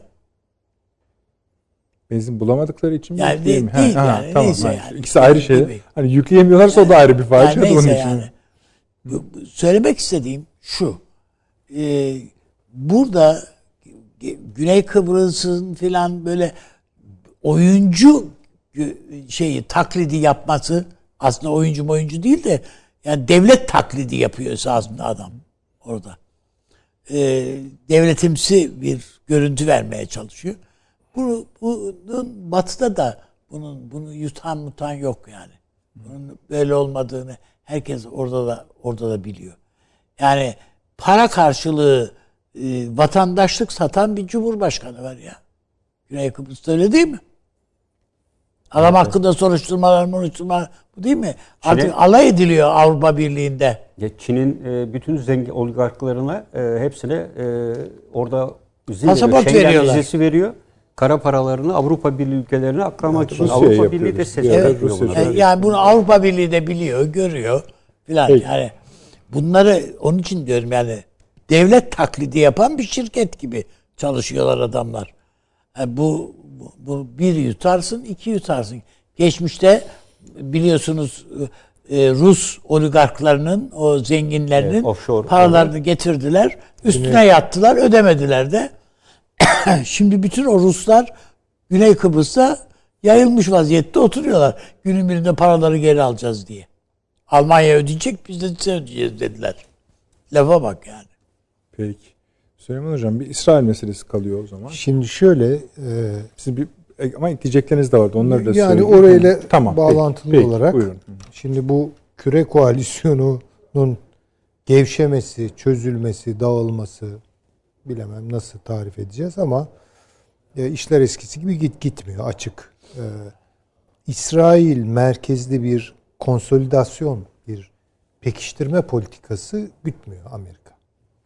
Mümkün olduğu kadar Biden süresi. şey affedersiniz Biden'ı Biden tabii ki mümkün olduğu kadar burayı gevşek tutuyor. Yani Doğu Akdeniz ve Orta Doğu bölgesini sorunlu ama o sorunların içerisinde işte özel tercihler yaparak bir tanesini pekiştirip diğerlerini e, diyelim ki e, saha dışına atma, onlara kırmızı kart gösterme şeklinde değil. İsrail de bundan nasibini alıyor. Şimdi Biden diyor ki ben diyor şeyim, ben Katoliyim falan ama aslında diyor ben diyor benim için dünyada öncelikli İsrail'dir diyor. Zaten bunu demeden hiçbir şekilde başkanlık falan yapamazsınız Amerika'da. Ama sonra ne yapıyor? Amerika'nın amentüsü gibi bir Gibi şey bir şey. zaten bu İsrail. Ne yapıyor sonuçta? İsrail'i kendi haline bırakıyor. Görüntü bu. Tam tersine belki İsrail'in biraz sağ siyasetlerinde kışkırtacak bir şekilde, alarme edecek bir şekilde İran'a bir mavi boncuk gönderiyor. Şimdi ben bunun üzerinde düşünüyordum. Yani bu İran'ı niye bu kadar Amerika işte mesela Obama da böyle yaptı. Hillary Clinton niyeti de buydu. İşte şimdi Biden geldi. Aynı şeyleri söylüyor falan. Bunun daha büyük bir resimdeki yerini tam kafama oturtabildiğimi söyleyemem. Ama bölgesel olarak oturttum. Bu şu demek. İran'ı PKK etkisiyle birleştirerek İran nüfuzunu PKK nüfuzuyla o bölgedeki birleştirerek Türkiye'ye karşı kışkırtmak. Yani bu çok ciddi manada bir Türkiye-İran gerilimine gebeyiz anlamına geliyor. Bu Haçlı Şabi PKK ortaklığından başlayarak İran'ı fırsatçılık yapmaya ki çok seviyorlar bunu. Taktik fırsatçılığa bayılıyorlar. Ben onu iddia ediyorum. İran'ın yani belli stratejileri var gibi gözüküyor. İşte Şii, Hilali bilmem ne falan ama daha çok taktik bir hüneri varsa var. Kullandığınız yani kurduğunuz cümle bayağı bir cümle. Yani İran'la İran nüfuzuyla İran nüfusu dediğiniz andan yani Irak, Suriye ve Irak Tabii, meselesi tabii, tabii. Üçlü bir blok Ve Papa'nın gelişinde nüfuzuyla- buna bağlıyorum. Papa'nın oraya gelişinde ortaya çıkan ağırlık noktasını da işte özellikle İran, Kürt ya da Fars, PKK, İran e, PKK bağını kurmak bu Haçlı Şabi ve PKK üzerinde ve Türkiye'yi orada mümkün olduğu kadar zora sokacak bir süreci, Süreci başlatmak. başlatmak. İran da bu şekilde rahatlayacağını düşünüyor. Bu ne demek? Artık nasıl ki küre koalisyonundan bahsedemeyiz bundan sonra Soçi'yi falan da unutalım. Yani Çok çabuk gözden çıkardı. e ama işte pozisyon bu. Katar yüzünden mi yapıyorsunuz böyle? Ay şimdi şöyle Suudilerle İran arasındaki gerilimde İran'ı neredeyse destekler durumuna geldi Amerika Birleşik Devletleri. Yemen'de görüyoruz, Husiler'de görüyoruz. Öyle mi? Evet. Tamam. Şimdi bu ne yapacak? Suudileri büyük bir boşluğa düşürüyor, açığa çıkarıyor. Birleşik Arap Emirlikleri'ni aşağı açığa çıkarıyor. İran ne yapıyor bu e, durum karşısında? Gayet memnun. Diyor ki Türkiye oralarda diyor işgalci diyor. Bunu demiyor mu İran? Ya bu şekilde açık söylemiyor ama söyletiyor. Yani kime söyletiyor? Haçlı Şabi liderine söyletiyor. Ee, Şii kökenli bir e, şey silahlı milis grubu liderine savaşacağız Türkiye ile dedirtiyor. Ne demek bunlar? Ve Haçlı Şabi ile PKK arasındaki gidiş geliş trafiği öyle mi paşam yani fevkalade tırmanıyor. Şimdi ben şöyle görüyorum. Ya Mısır'la şöyle ve veya böyle işte artık bir bir sürece girilir. Çünkü Mısır da kendine bir çıkış yolu arayacak. Hatta Suudi Arabistan'la da bir şekilde yeniden bir şeyler konuşulur. Bir en azından sorunsuz sayabileceğimiz bir noktaya gelebiliriz. Birleşik Arap Emirlikleri bunu takip edebilir. Bence doğuda esas tırmanan şey İran Türkiye gerilimidir. Siz ne düşünüyorsunuz? Ama bir de şunu söyleyeyim. Estağfurullah. Bir de şunu söyleyeyim. Buna Yunanistan etkisinde koyabilirsiniz. Ya şu an Türkiye İran PKK bağı üzerinden bu Allah muhafaza Şii, Sünni gerilimine de oturtulabilir. İsterlerse o noktaya da çekebilirler. Diğer taraftan da e, Yunanistan tarafından Türkiye baskı altına alınıyor. Bunları bir görelim yani. Peki. Burada Mısır liberodur. Yani liberoyu çekebilirsiniz. Transfer edebilirsiniz. Ya bence Mısır Türkiye ilişkilerinin gelecekte tırmanması böyle bir şey olmayacak. Yani ya bir şeyler söylenir falan filan ama esas bence yavaş yavaş pişirilen Türkiye-İran gerilimi. Bu Rusya'nın da işine geliyor. Çünkü Rusya şöyle bakıyor. İran ayağının bir anlamda bağıydı yani. Ona da hem destek oluyordu ama o, o nispette de köstek oluyordu. Bir de İsrail ile ilişkileri zora sokuyordu. En son çözümü İsrail uçakları gelirken hava savunma sistemlerini susturmakta buldular. Yani gelip göz göre göre rejimi de bombalıyordu. Öyle değil mi İsrail? İran unsurlarını da bombalıyordu.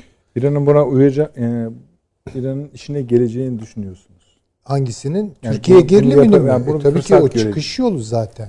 İran için tek çıkış yolu bu. Çünkü ona sunulan bu.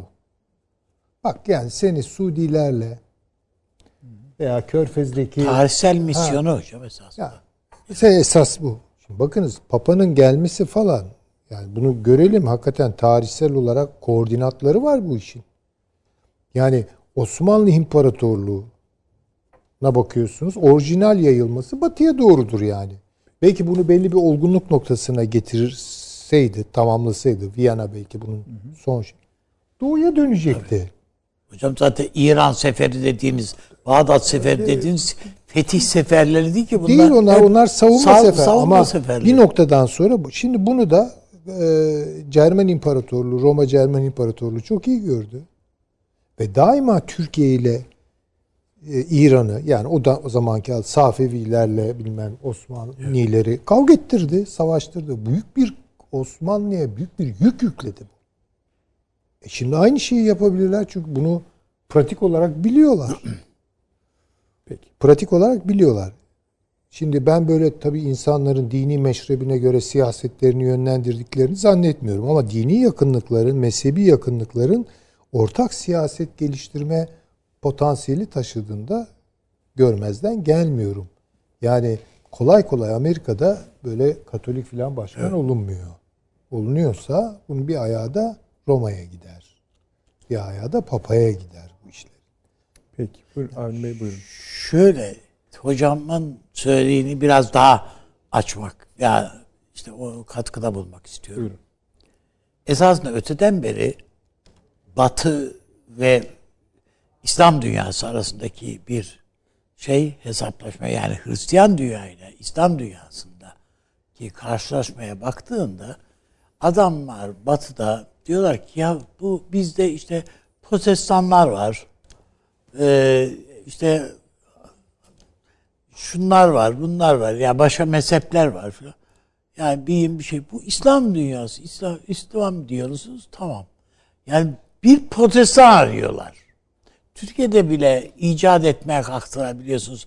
Aleviliği ayrı bir mezhep, ayrı bir din gibi filan batıda hatta böyle Avrupa parlamentosunda filan böyle numaralar filan da yaptılar. Allah'tan da Aleviler o oyuna O düşmediler. olay büyük çoğunluğu. çok şükür düşmüyor Türkiye'de. Ee, şimdi oysa İslam dünyasının temel bir kırılma noktası var. Şia ve ehli sünnet.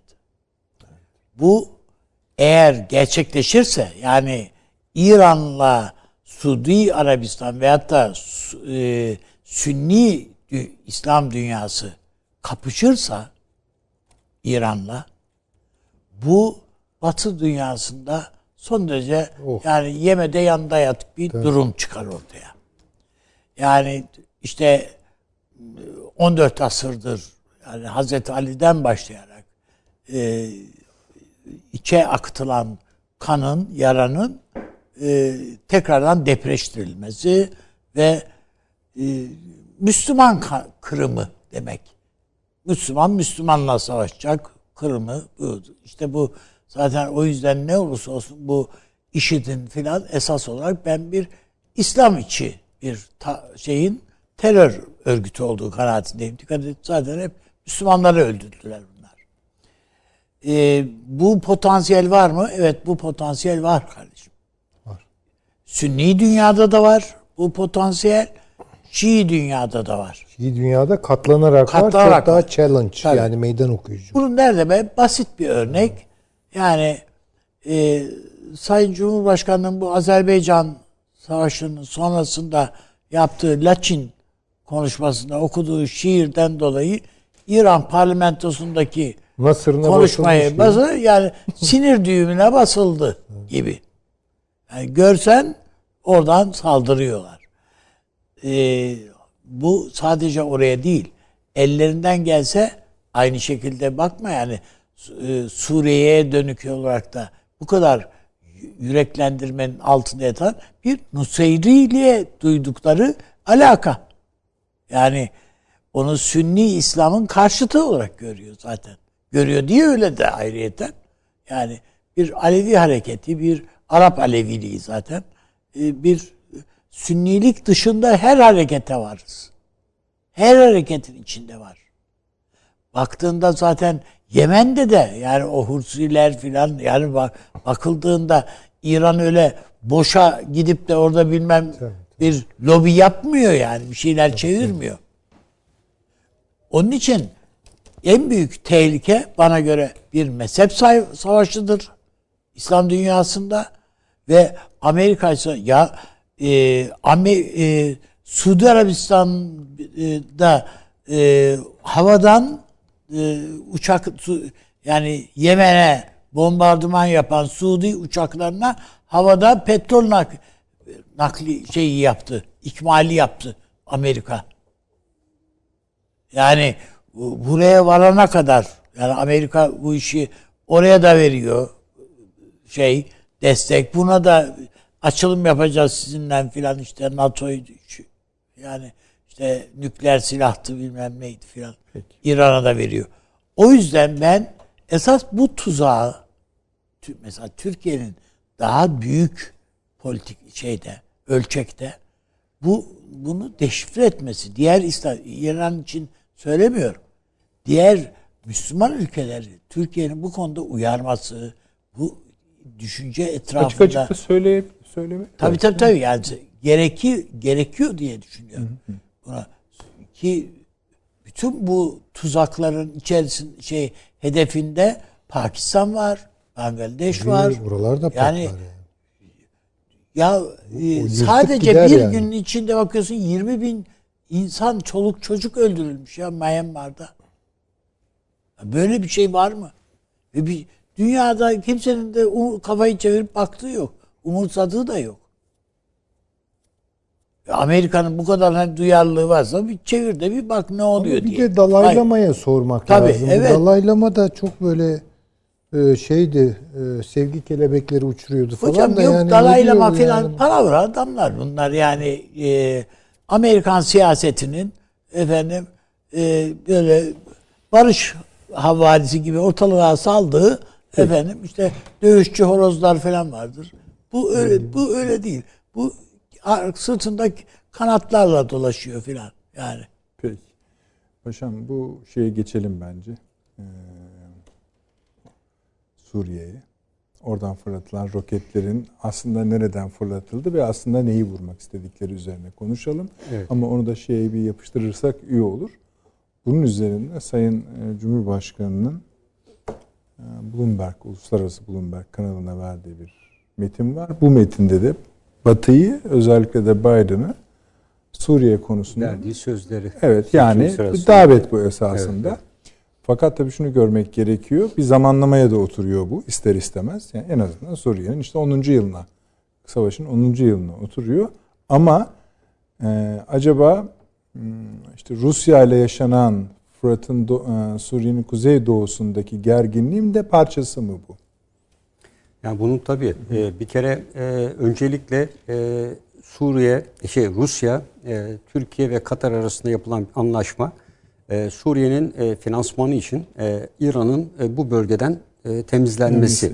Yani bu aynı zamanda daha evvel yani İsrail'in e, anlaşma yaptığını da e, daha doğrusu Suriye'nin gözetiminde e, şeyin e, Rusya'nın gözetiminde Suriye'nin ve İsrailli yetkililerin bir araya gelerek yaptıkları e, bir e, görüşme vardı. Bu görüşmede özellikle İran olan bağlılığın azaltılması ve İran kuvvetlerinin bu bölgelerden çekilmesi talebi vardı. E, bütün bu sürecin e, tabi o tarihte kalmadı. Bu Ocak ayındaydı ve arkasından da bu sürecin sürekli devam ettiğini, İsrail'in geçen haftada dahil buradaki İran milis hedeflerine ve İran hedeflerine yönelik harekatını aralıksız devam ettirdiğini ve özellikle İranlı milislerin hakim olduğu güneydeki petrol bölgelerine iki gündür Rusya'nın e, ciddi bir harekatı var ve bu bölgeleri ele geçirdi. Yani İran milislerinin kontrollü olan bölgelerin bir kısmı şu anda Rusya'nın kontrolünde. Bu esasında burada e, Rusya ile İran arasında İsrail de katacak ve hatta Amerika'nın da yer aldığı bir örtülü bir savaşın gerçekleşme olduğunu gösteriyor.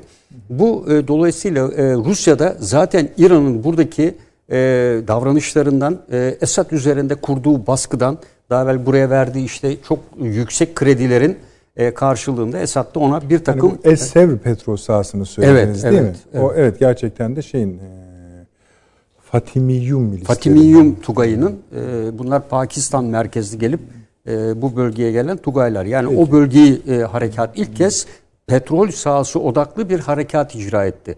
Daha doğrusu ciddi bir kara harekatını ilk kez yaptı Rusya bugüne kadar. Daha evvel koalisyon güçlerine karşı yine Aslında bu bölgede... not edelim. Yani önemli bir konu. bu. Evet. E, ufak tefek hareketleri vardı ama ilk kez bir sahayı ele geçirmek üzere, kontrol altına almak üzere yaptı. Yani bunun e, süreç olarak aynı anda e, Lavrov'un Körfez turu, Türkiye, Katar, Rusya arasındaki işbirliği ve bu zamanlamaya denk gelmesi son derece önemli. Yani burada hem İsrail'in güvenliği sağlanmaya çalışılıyor hem Rusya İran faktöründen. Türkiye ile birlikte kurtuluyor. E, Amerika Birleşik Devletleri de e, oradan kurtuluyor ve dolayısıyla şu anda Suriye'de İran'ı devre dışı bırakmaya yönelik ciddi bir hamle var. Arkasından sıra Haçlı Şabi ile birlikte işte PKK ile işbirliği yapması ve dün MİT tarafından getirilen bu PYD'nin sözde Tugay komutanı denilen bir kişinin de bu tarihe denk gelmesi de son derece önemli. Yani bu e, kişinin e, ve üstelik de e, Suriye'nin kuzeyinde PYD'nin hakim olduğu bir bölgeden bu operasyonun yapılması da son derece önemli ve ciddi mesaj taşıyor. Bu mesaj elbette Amerika Birleşik Devletleri'ne yönelik de mesaj da olabilir.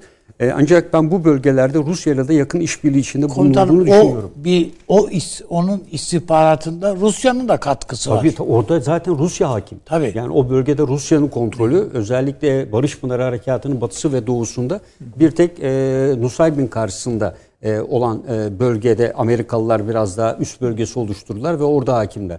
E, bu e, burada İran milisleri e, buradan e, süpürülecek. Yani bunda kesin kararlar. Bu tabi Batı'da Lübnan'da şu anda çıkan ciddi hareketlenmeler var. Yani Lübnan'da ekonomik kriz bunun yansımaları olağanüstü. Dün yine e, Beyrut'ta e, ciddi e, hareketlenmeler vardı. E, bu tabii şu ana kadar Hizbullah e, daha evvel Lübnan ordusuyla birlikte hareket ediyordu. Ancak bugüne kadar böyle bir hareketlenme olmadı. E, bu e, tabii neye yorumlanabilir? E, bu e, özellikle Hizbullah'ın e, İran e, bağlantısının bir şekilde belki kesilmiş olabileceği de yani Suriye'de eğer İran milisleri geri gönderilirse bu aynı zamanda Hizbullah'ın e, İran desteğinden de ciddi bir şekilde e, eksik kalacağı e, anlamını taşıyor. Yani Hizbullah'ı destekleyecek ciddi bir ülke arkada yok ve ülkede zaten seçime gidiyor. Ve düşünün arada Suriye var. Burası iki büyük gücün ve Türkiye'de dahil, İsrail'de dahil onların e, ortaya koydukları bütün güçleriyle e, İran'ı yok etmeye çabaladıkları bir konum haline geldi. E, arada ciddi bir mesafe var. Onu düşünelim. Bu Tugaylar üzerinden e, İran kuzeyden buraya destek sağlıyordu. Yani şu anda Haçlı Şabi'nin olduğu Sincar üzerinden geliyordu bunlar. Lojistik desteği. Hem İranlı milislerin, bu Tugayların hem de Hizbullah olan destek de buradan gidiyordu. Şu an Hizbullah'ın bu süreç içinde fazla müdahalede bulunmaması, e, aşırı bir şekilde bir harekat icra İran'ın fazla etmemesi. sıkıştırıldığını düşünmüyor musunuz? Efendim? Fazla sıkıştırıldı. Suriye'de ama. Ama Suriye'de, yo, niye? Mesela e, Azerbaycan üzerinden, yani Kafkasya Tabii, tabii, üzerinden. Şey mi? Amerika üzerinden. Rusya'yı, İran'ı mı diyorsunuz? İran- İran zaten ben şunu diyorum. e, Rusya e, Dağlık Karabağ'da bu barış e, gücü olarak orada konumlandığı anda ben İran'la olan ilişkisinin de %70 oranında kestiğini düşünüyorum. Çünkü e, yakın çevre doktriniyle Güney'i emniyete aldı. Güney Kafkasya'yı. İkincisi zaten Akdeniz'e indi. Kafkaslar ve Türkiye'nin Doğu Anadolu'su Rusya'nın boğazlar yerine ikinci alternatif Akdeniz'e inme yoluydu. Dolayısıyla bundan sonra İran üzerinden bölgeye inmenin çok fazla bir önemi kalmadı. Hedefi Orta Asya. İşte Afganistan konusunda e, ara buluculuğa veya bu tür toplantılara ev sahipliği yapmasının temel nedeni de İran'dan önce çünkü şu anda İran'ın Afganistan üzerinde ciddi bir Taliban'la etki kurma çalışmaları var. Ondan evvel olaya müdahil olarak e, bunu Amerika'da farkında, Rusya'da farkında. Süleyman Bey işte bu kadar sıkıştırma buraya patlar diyor. Tabii işte Tabii. onu diyorum yani. Buyurun. Yani e, dolayısıyla e, bu süreci dikkate aldığımızda bunun özellikle e, Rusya'nın e, şu anda izlediği politikalarla ciddi bir şekilde e, üzerinde Avrupa Birliği ile bu yaptırımlar meselesi olmasına rağmen e, genel bir açılımla Orta Doğu, Afrika bölgeleri dahil e, bu bölgelerde Balkanlar dahil e, bu bölgelerde giderek e, açılım gösterdiğini görüyoruz. E, Sayın Cumhurbaşkanı da ifade etti hatta Türk akımı 2'den dedi Bosna Hersek'e dedi biz e, doğal gaz verebiliriz e, mesajı da verildi bu arada. E, bu da kime karşılık bir mesajdı? DEDAŞ'ta e, LNG tesisi kurup Avrupa'ya gaz vermek isteyen biraz da Amerika'ya mesaj. Yani sen Türk akımını işletmiyorsun ama biz Türk akımı üzerinden bu tür e, bu çalıştırma bu çalışmayı yapabiliriz diye de bir mesaj e, veriliyor. E, dolayısıyla burada Rusya'nın ben İran'a artık ihtiyacının çok fazla kalmadığını Soçi düşünüyorum. bitti yani. Bitti. İşte Soçi yani o noktada e, Soçi Yani ikili devam ediyor. O zaten. Soçi'nin yeni e, ortağı Katar olmuştur. Yani şu anda Hah, bravo. e, evet e, Soçi'nin yeni ortağı. Orada Lavrov'un açıklaması vardı. İşte doğrudur değildir onu bilmem ama hani buradan bir yanlış anlama çıkmasın diye Doha'da yaptığı açıklama. Yani bu pekiştirme amaçlıdır Soçi'yi yani. Öyle söyleyecekler Tamam, ya. tamam, Yani tamam, o- tamam, bir şey Yoksa. Amerika'nın dediği gibi Astana'nın fişini çekmek orada da Soçi'nin fişini çekmiş Ee, oldular. Yani oldu, esasında. tabii, E, İran'a yönelik yaptırımlarla baktığımızda e, hakikaten e, burada artık Soçi'yi, Astana'yı e, evet onun belki ruhu e, havada dolaşabilir ama e, şu an bu ruh e, Suriye'de e, tam anlamıyla barış ve istikrarı sağlamaya yetmedi. E, belirttiğiniz roket atışları bunun dışında e, yine e, değişik iki gün evvel yine bir kamyonetle saldırı oldu. E, bütün bunların önlenememesi İdlib'de e, Suriye e, güçlerinin e, attığı roketlerin e, Türkiye bölgesine Türk Yani İran seçimleri de ilginçleşiyor. E, tabii. Haziran'daki yani bu baskı altında. Tabii. Evet, yani bu e, Suriye'de artık bir süreci ki Biden'ın politikasında da bu var. E, her ülke aktör artık son kozlarını oynuyor burada. Yani Amerika Birleşik Devletleri'nin PYD ve PKK'dan vazgeçme ihtimali Irak'taki gelişmelere bağlı olarak değişkenlik gösterebilir. Yani e, çünkü onun bulunduğu bölgede eğer onun üzerinden e, İran etkisizleşirse ve İran parçalanırsa Suriye üzerinden bir hatla Kürt koridoru oluşturmanın bir mantığı kalmıyor. O zaman doğrudan doğruya o koridor Irak üzerinden zaten Körfez'e inecektir. Yani sıcak denize inecektir. Baş- iyi- başka bir açılım gelişti. Yani e, çünkü Yani. yani Şimdi burada şöyle bir e, şey var yalnız paşam. Dediğinize katılıyorum. Belki teorik olarak böyle. Ama şimdi bu PKK denilen bir terör örgütü. Bunlarla böyle e, yemlemeye alışırsınız, alıştırırsınız bunu sürekli. Ama onu kestiğiniz anda çok daha acımasız olurlar bunlar. Yani doğrudan doğruya hedefleri Amerika haline gelir.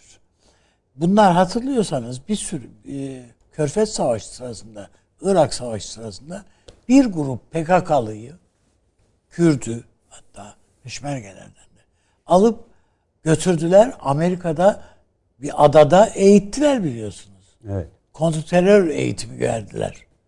Bu PYD dediğimiz güç yani PKK'nın kendiliğinden ortaya çıkardığı bir güç değil. Amerika'nın neden bu kadar sahiplendiğine bakarsak arkasında yine bu e, Guam takımı filan var yani bunlar orada yetiştirdikleri adam o, o adamlar var.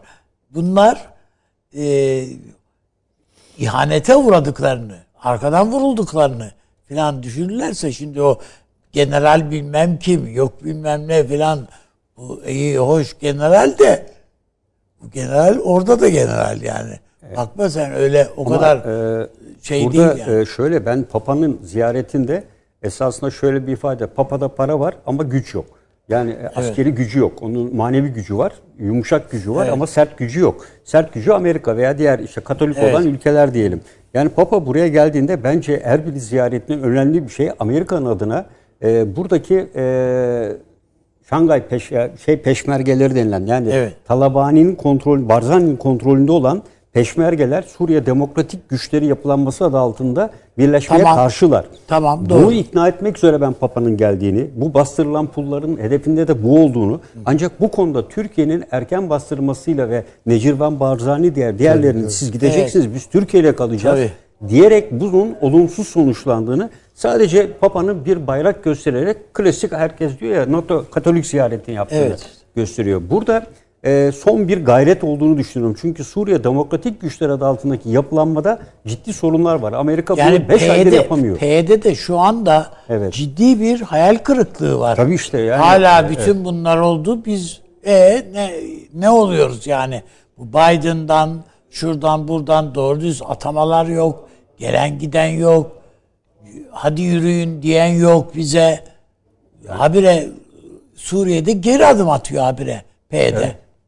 Yani e, bu da ben Papa'nın e, son hamlesinin de bu olduğunu düşünüyorum. Yani Erbil'e e, gidip de yani tamam dedik Zerdüştlüğü falan yani o tabii tali bir konu. E, o da var elbette işin içinde ama e, Erbil'i e, ikna etmeye çalıştı. Yani Suriye Demokratik Güçleri yapısı içinde yer almaları konusunda. E, onlar e, tabii Papa bir askeri e, siyasi bir güç olarak değil e, onu e, destekleyenler de elbette içinde vardır. Bir takım vaatlerle. Ancak e, Türkiye'nin etkisinden ben özellikle e, daha evvel de birçok kez bu bağımsızlık konusunda da gördüler. İlan Evet. konusunda da e, Türkiye'nin tepkisinin ağır olacağını. Amerika da bunu biliyor. Yani bugün Hocam onlar zaten e, şeydir, şafidir yani. tabii tabii şafi, İran tabii. etkisini kabul etmez onlar Tabii. yani. Ya zaten öyle tabii. İran etkisi asla e, kabul etmezler. E, bence yani şu anda e, Irak'ta evet seçim olacak ama yani bu seçim dedik gibi etkileme amaçlı falan da olabilir.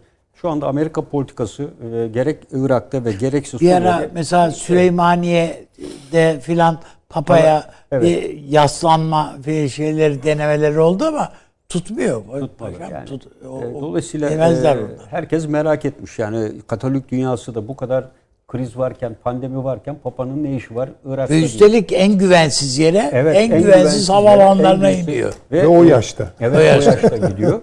E, dolayısıyla yani bunda hep diyorlar yani işte Amerika'nın e, Biden politikasının e, ilk keşif harekatı gibi Tabii. değerlendiriyorlar. Bir nabız yoklama, e, uygulanacak politikanın manevi altyapısını oluşturma.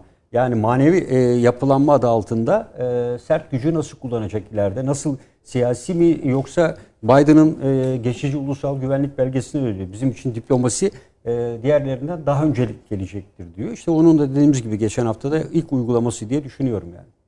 Yani e, İsrail'in güvenliğini sağlama açısından e, Şii dünyayı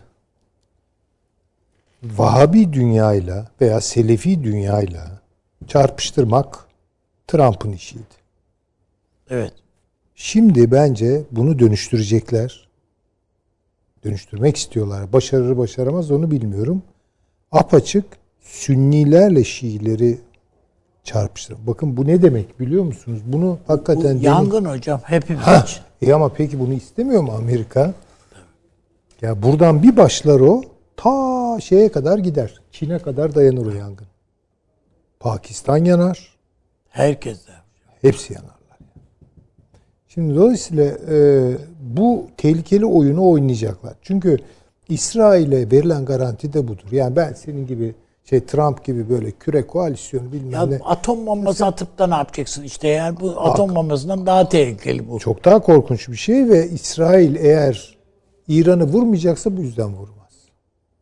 Yani onu rahatlatacak ikinci formül Yani budur. maşallah bütün haritayı birbirine yapıştırdınız Mısır'dan başlayarak. E ama öyle değil mi Öyle zaten? sadece haritayı da yapıştırmadınız. Yalnız şey eksik kaldı. Yani Ama mesela şeyi e, ihmal etmemek lazım. Bu Türk-Rus ilişkilerinin Tabii o çok önemli. O zaman bir, bir, bir reklama gidelim. İkinci ve son reklamımız. Kısa efendim hemen geliyoruz.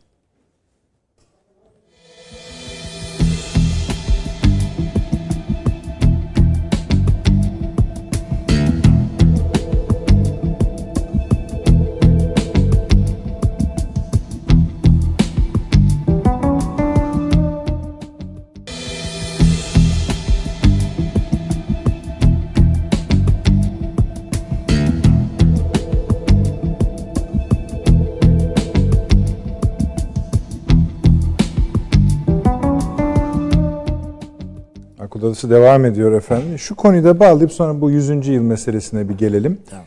Ee, bir or- orası eksik kaldı demiştim. Bu davet meselesi Sayın Cumhurbaşkanı'nın artık Suriye'ye, Batı'yı Biden yönetimini de davet etme meselesi. Bu her bağladığımız konuya bunu nasıl eklemleyeceğiz? Yoksa bu o bize yani 10. yıl vesilesiyle yapılmış bir konuşma mı? bana biraz 10. yıl vesilesiyle yapılmış bir konuşma gibi geliyor. Yani Çok sütten çıkmış kaşık gibi oldu abi ya.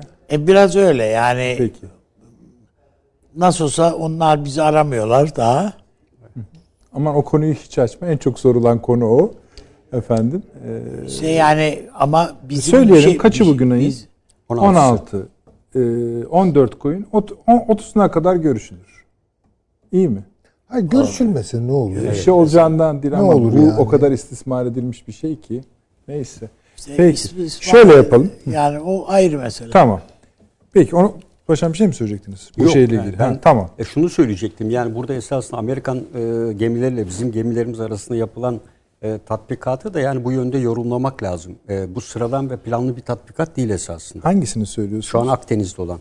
bir de Gürcistan, Gürcistan değil. ayrı bir konu. Ayrı. Gürcistan'da Amerikan gemileri var. O ayrı. A- NATO o bağlamında. NATO Yani kapsamında şu olan. anda Yani o hani Amerikan ya, gemileriyle Akdeniz'de e, bir ta- tatbikat, tatbikat devam var. ediyor. E, açık deniz tatbikatı yapıyorlar e, Amerikan gemileriyle.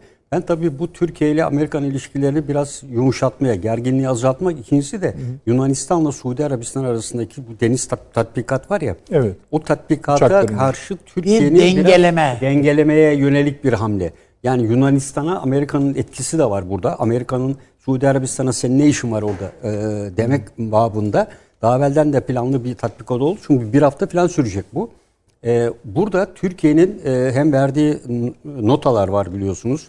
E, kablo döşenmesi nedeniyle İsrail'e, Yunanistan'a falan. Benden izin alacaksınız dedi. Evet. Yani öyle dedi. Bir dahakine yani Ee, evet. orada başka türlü E, karşılanıyor. Dolayısıyla bu e, sertleşme karşısında e, Türkiye'yi bir nevi yumuşatmak ve Suudi Yani bir de Arabistan'ı Türkiye'yi gözden çıkarmış Evet, değilim. Çıkarmış diyor değiliz mesajı Amerika. veriyor. Evet. Sen yalnız değilsin demek istiyor esasında. Bu gemiler hakikaten bu kadar yükü taşıyabiliyorlar mı? Ya bir şöyle bu bir bayrak meselesi işte yani ben buradayım meselesi yoksa savaş yok bir şey yok yoksa boşuna masraf diyorsun Hayır son ama zamanlarda bu buradaki yani. tatbikat sayıları o kadar inanılmaz rakamlara ulaştı ki kombinasyonları ile birlikte artık hani eski ağlarında taş, taşıyor mu taşımıyor mu taşıyor. taşıyor. Ama dikkat ederseniz kara tatbikatları azaldı. Mesela NATO'nun yaptığı tatbikat bile komuta yeri tatbikatıydı. Bu pandeminin etkisiyle oldu. Deniz kuvvetleri de gemide olduğu için pandemiyi kontrol altına almak kolay. Esasında buradan bakarak geleceğin harplerinin nasıl olacağını da tahayyül etmek mümkün. Ya insan hava araçları İtalya'nın- gemilerle. İtalya'nın Şimdi bugün basit bir açıklaması şey, var. Mesela ne kadar doğ- doğrudur bilmiyorum. Paşam daha iyi değerlendirebilir.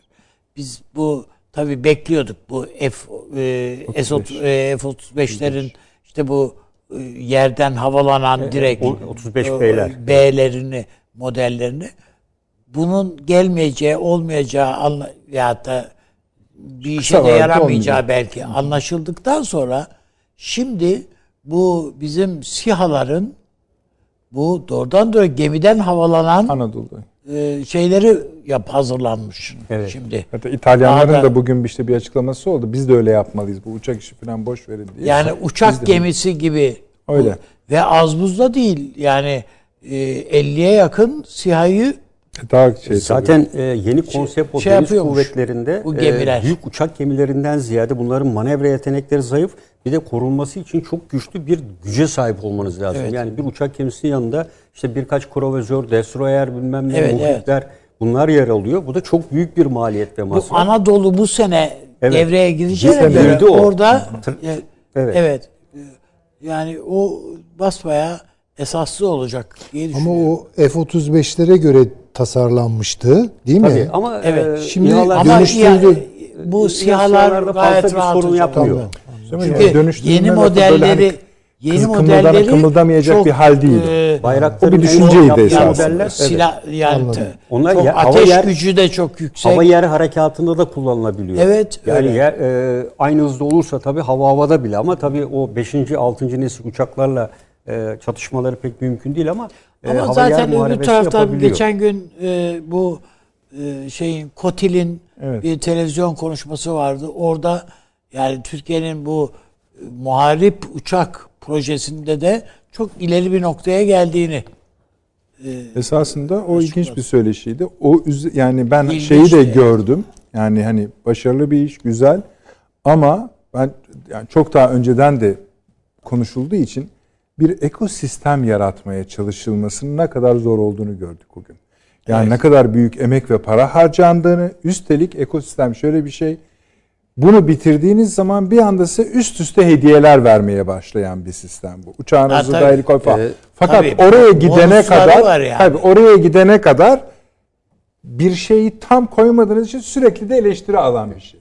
Halbuki büyük. Mesela dedi ki bu iş bittiğini de dedi. Yani birinci yılın sonunda Evet. dedi. Benim elimde dedi 4000 tane yük bu alanda uzmanlaşmış yüksek tecrübeli mühendis olacak. Bunu ne yetiştirebilir? Şimdi O, yani 5 F-35 mi, Evet. 10 F-35 mi istersiniz, bunu mu istersiniz? Ben gözümü kırpmadan Evet. mühendislerimizi Evet, evet. isterim yani. Şu anda Türk mühendisleri bu konuda çok ciddi bir tecrübe kazandılar. Bir de ikinci bir konu var. Mesela Türkiye atak helikopterlerinde Pakistan'a verecekti. Ukrayna motoru kullanmaya başladı şu anda. Başlıyor. Geliyor, Yani, evet. evet. Evet Yani, değil e, mi yani şimdi evet. o yasaklandıydı. Tabii. Şimdi e, Ukrayna motorları devreye girdi. Şimdi aynı şey fırtına obüslerinde de muhtemelen Ukrayna motoru. Çünkü Almanlar ya- vermedi. Evet. Yataklar. Yatakları ve onları satamıyorduk biz. Ee, Almanlar ve şeyler buna şer şey koyuyorlardı satamazsınız diye. Bu da son derece önemli gelişme. Ee, tabii Türkiye'nin bugün bir makale de vardı. Yani Türkiye'nin e, kendi uçağı için 2030 e, tabii söyleniyor. E, ama e, bu tarihe kadar tepe F-16'ların e, bir takım güncellemeleri ve diğer Eğer faaliyetler tabii gidiyor. doğruysa yani doğrudur muhakkak. Bu Kotil'in söyleşisinde yani basbaya ben onu çok etkili gö- şey gördüm. Rahat gördüm. E, o diyor ki F-35'lerin e, bir gömlek altında ama o kabiliyette bir uçak yapıyoruz. Yok şöyle F-35'lerle F-22'ler arası Ha, bir... F-35'lerle Yani F-22'ler arasında F-22'ler bayağı bir uçak, uçak. yani. Onlar Yani Evet, mesela yani buna bu- şey diyorlar, e, Fransızların Rafael uçaklarına e, 4,5. nesil diyorlar. E, Yani öyle ifade ediliyor Rafael uçakları. Mısır'a da sattı Fransızlar, Yunanistan'a da sattılar. E, bunun e, işte o arada kalan bir e, pozisyonda bu. Yani F-35 de değil ama şey de değil. Yani Rafael'lerin öyle bir özelliği var. E, şimdi diyor Rafael'ler aldılar. Arkadan da F-35 e, verilirse Yunanistan e, Türkiye karşı hava harekatında hava üstünlüğü ele geçirebilir mi diye onun bir e, analizini yapmışlar. Bu ama e, milli muharip uçak projesi gerçekleşirse çok başarılı bir şey olur. Evet.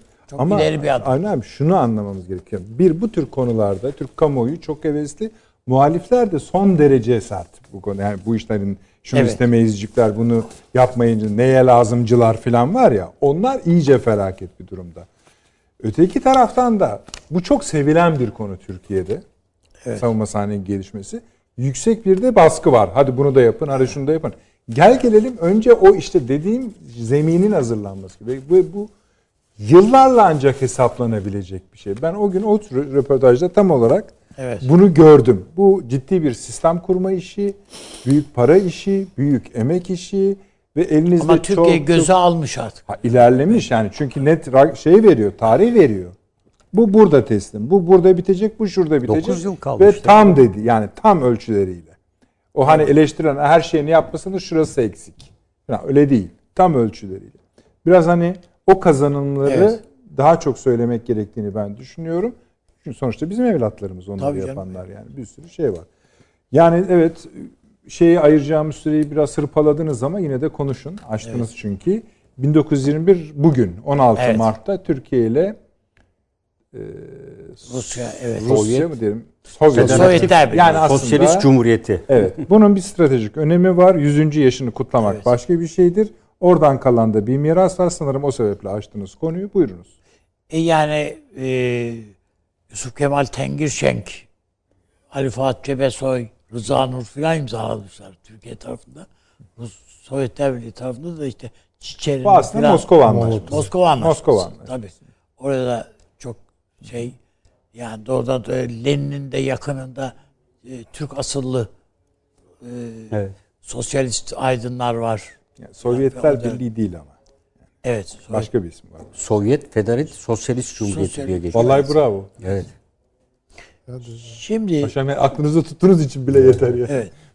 Ee, Türk-Rus ilişkileri bu anlaşma ve sonrasında evet Mil- Kurtuluş Savaşı sırasında da zaten bu ilişkiler küçümsenmeyecek boyutta. Yani açık, açıkça söyleyeyim o General Frunze'nin filan Türkiye'ye gelişi filan bizim Taksim'deki heykeldeki hey- şeyde değil Evet, mi? bunların Frunze'nin Ha, evet evet. evet. Frunze var yani heykelinde şeyinde. O Molotov. bakımdan yani Molotov. e, son derece etkili Türk-Rus ilişkileri belirleyici veyahut da e, ama e, o günden bugüne Türk-Rus ilişkileri hep belli bir çizginin üzerinde devam ede geldi. Yani Türkiye NATO'ya üye oldu. İkinci Dünya Savaşı sonrasında gerildik. İşte sonradan Rusya Türkiye'ye dönük taleplerini geri çekti. Bu şeyleri. 45'te. Kır- evet 45'te geri çekti. Yani Batı'ya karşı bir stratejik dengeleme yaptı bu yaptı. anlaşma. Evet. Ee, tanınma getirdi. Yani Tabii, o yani ayrı, en büyük o- o dönemin en büyük güçlerinden birisi hala. Evet, hiç şüphesiz tabii canım. Şimdi şöyle bir şey var. Ee, NATO'ya girişimiz bile Rusya'nın Türkiye'ye karşı yaklaşımını değiştirmedi açıkçası. Daima Türkiye ile yakın olma yani her fırsatta Türkiye ile yakınlaşma e, isteğini devam ettirdi Rusya. Bu Menderes'in, rahmetli Menderes'in son döneminde de başlayarak hatta bilare 60 sonrası Süleyman Demirel'in başbakanlığı sürecinde keza Türkiye'ye önemli kredi destekleri ve hatta proje destekleri verdi. İşte Seydişehir Alüminyum tesisleriydi, Ereğli Demir Çelik, şey, e, İskenderun Demir Çelik'ti, A, Ali Ağa, e, Rafinerisi. rafinerisi filan. Yani bütün bunlar önemli. Bugün de, eğer baktığınızda e, Türkiye'nin nükleer santralını yapıyorlar. İşte boru hattımız var. Çok önemli bir boru hattı var. Ve işte S-400'ler gibi bir mesele var yani gündemde. Ve bu S-400'ler evet tamam Amerika ile ilişkilerimizi de filan bir gerilim noktası ama aynı zamanda da hep burada konuştuk da zaten Türkiye'nin elinde bir pazarlık gücü yani bir güç. Bunu da gö- göz ardı edemeyiz. Ve Rusya şöyle düşünmek lazım. Uçağını düşürdük. Büyükelçisi öldürüldü burada. Yani şimdi bugünden bu Ama cümleleri buna arka arkaya rağmen- kurunca ne kadar garip geliyor. Yani buna rağmen e, Türkiye'nin ve Rusya'nın liderleri aralarındaki münasebeti korumayı ve e, güçlendirmeyi başardılar. Hala da yine önemli. gerilimler var, yine çekişmeler var Evet. iki ülke arasında. Var tabii canım o zaten. Ona rağmen de Her devlet arasında var zaten. Orada Evet, Yunanistan boş durmayıp Türkiye nükleer reaktör yapıyor. Yakında nükleer silah da yapar diye ona da şikayet Ha, ona- kimse artık Evet, şey evet. yapmıyor. Paşam bu aynı zamanda Doğu cephesini de sağlam alan bir Evet. anlaşmaydı. Demek ki Tabii. şeyin Kars- Ankara'nın Tabii. e, İkinci Batıya nükleer santral odaklanması. Trakya'da biliyorsunuz Edirne'de. Yani dolayısıyla yani iki o daha da yakınlarında olacak. Daha da yani. yakından. Evet. Tabii. siz de bir şeyler söylemek istersiniz. Ben e, özellikle e, bu e, anlaşmayla ilişkin olarak e, Türkiye'nin e, Kurtuluş Savaşı'nın e, manifestosunun e, bu anlaşmayla temellerin atıldığını Anlaşmanın adı dostluk, dostluk ve kardeşlik, kardeşlik, evet. anlaşması. Ee, bununla birlikte arkadan Fransa ile yapılan anlaşma. e, bütün bunlar hepsi bir arada düşünüldüğünde e, Kurtuluş Ankara Savaşı- Anlaşması. Ankara Anlaşması, Güney sınırlarının garanti altına alınması, Doğu sınırlarının Bir de alınması Fransa bütün işgalde kullandığı ter- silahları da Türkiye'ye Türkiye'ye bıraktı. bırakarak gitti. E, burada Sovyetler, e, Sovyet Federatif Sosyalist Cumhuriyeti'nin o tarihte Türkiye'ye verdi. Hatta trenle geliş resmi de var. 10 milyon altın ruble. E, bu e, trende görüntüleri de var. Yani o gelen trenin istasyona yanışı sırasında. Kurtuluş Savaşı sırasında kullanılan şöyle tabii bu Rusların belgelerine göre Kurtuluş Savaşı sırasında kullanılan her dört tüfekten biri, e, her dört toptan biri, her üç top mermisinden biri Rusya'dan e, destek olarak gelmiştir ve toplam diyorlar ki Rusya'nın Kurtuluş Savaşı'na olan e, parasal boyutu 80 milyon TL'dir. Yani bu 1921 yılında Türkiye bütçesinin biraz daha üstünde olan bir para. Yani o tarihte e, tabii e, Afganistan ve diğer e, bölgelerden Hindistan Müslümanlarına gelen yardımlar da var. Ama bunun Rusya gibi hepsini kendi hanesine yazdığı için Evet. o yardımları. oradan gelenler de var. Çünkü Yani o paralar Af- Azerbaycan'dan şuradan buradan gelenleri Gelenler de de. Hı, biz bunlar aldı biz için. gönderdik efendim diye. Peki. Süleyman Hocam siz de bitirelim. Ee, yani ben tabii hepsine katılıyorum. Çok e, güzel tespitler. Ee, aklıma şey geldi. Yani şimdi onu hatırlamakta zorlanıyorum. Ali Fuat Paşa'nın Fuat. hatıratında Evet, evet. gidenlerden biri de çünkü Moskova'ya de Evet gitti ben onun hatıratında e, rastlamıştım. Şey diyor e, yani bunlar biraz da çekinmişler yani şimdi nasıl karşılıyor bunlar Bolşevik yani Evet işte komünist. ha yani Molotov giriyor içeri işte nasıl gireceğiz şöyle mi diyelim böyle mi diyor laf uzatmayın. Kaç silah istiyorsunuz? Aynen. Onlar zaten anlamışlardı. Evet bana rakam söyleyin diyor. İşte şu kadar da size diyor altın ayırdık. Alın gidin diyor. Yani biz, bunlar Evet, böyle evet. şaşırıyorlar. Nasıl Yani yani? Evet yani. Yanılmıyorsam şey Ali. Fuat Paşa'nın Tabii, tabii, hatıratında olsa hocam. gerekir. Böyle hatırlıyorum. Evet süremizi de aşarak hatta biraz bitirdik. Ee, her zamanki gibi eksiklerimiz kaldı ama ana, İngiltere'yi konuşmak. Evet yani bir konuda ama Yeni ana konuları bitirdik. tabii. Bu önemliydi. Çünkü sadece Mısır üzerinden dahi birleştirdiğimiz noktalar bize önümüzdeki yola ilişkinde işaretler verdi. Bunun aslında biraz daha konuşulması gerektiğini de düşünüyorum ben. Çünkü bu mesela İran konusunun çok önemli bir konu. Türkiye'yi çok ilgilendiren Yani bir ben konu. öyle bir risk görüyorum. Çok Tabii. ciddi bir risk Ama görüyorum. bütün haritadan da bağımsız elbette Tabii değil. değil. Ee, ve yaşayan bir süreç bu. Doğal olarak bu böyle kolay kolay elden bırakılacak bir hal değil. Avni abi çok teşekkür ediyorum. Süleyman teşekkür Hocam, ediyoruz. Sağlık. Evet. Paşam sağ olunuz, var olunuz. Ee, efendim tekrarlayalım. Bir buçukta mı arkadaşlar gece 2'de mi? Hep o değiştiği için kaç 01.30'da tekrarımız var. Uykunuz kaçar ise e, başka bir vesileyle seyredemediyseniz canlı olarak öyle söyleyelim. Yarın yine öğleden sonra e, YouTube'da izleme şansınız var. Birçok mesajınız hayır geldi. Onları da zaten sosyal medya kulvarları üzerinden birebir takip ediyoruz, görüyoruz, okuyoruz. Çok da teşekkür ediyoruz efendim. İyi geceler diliyoruz.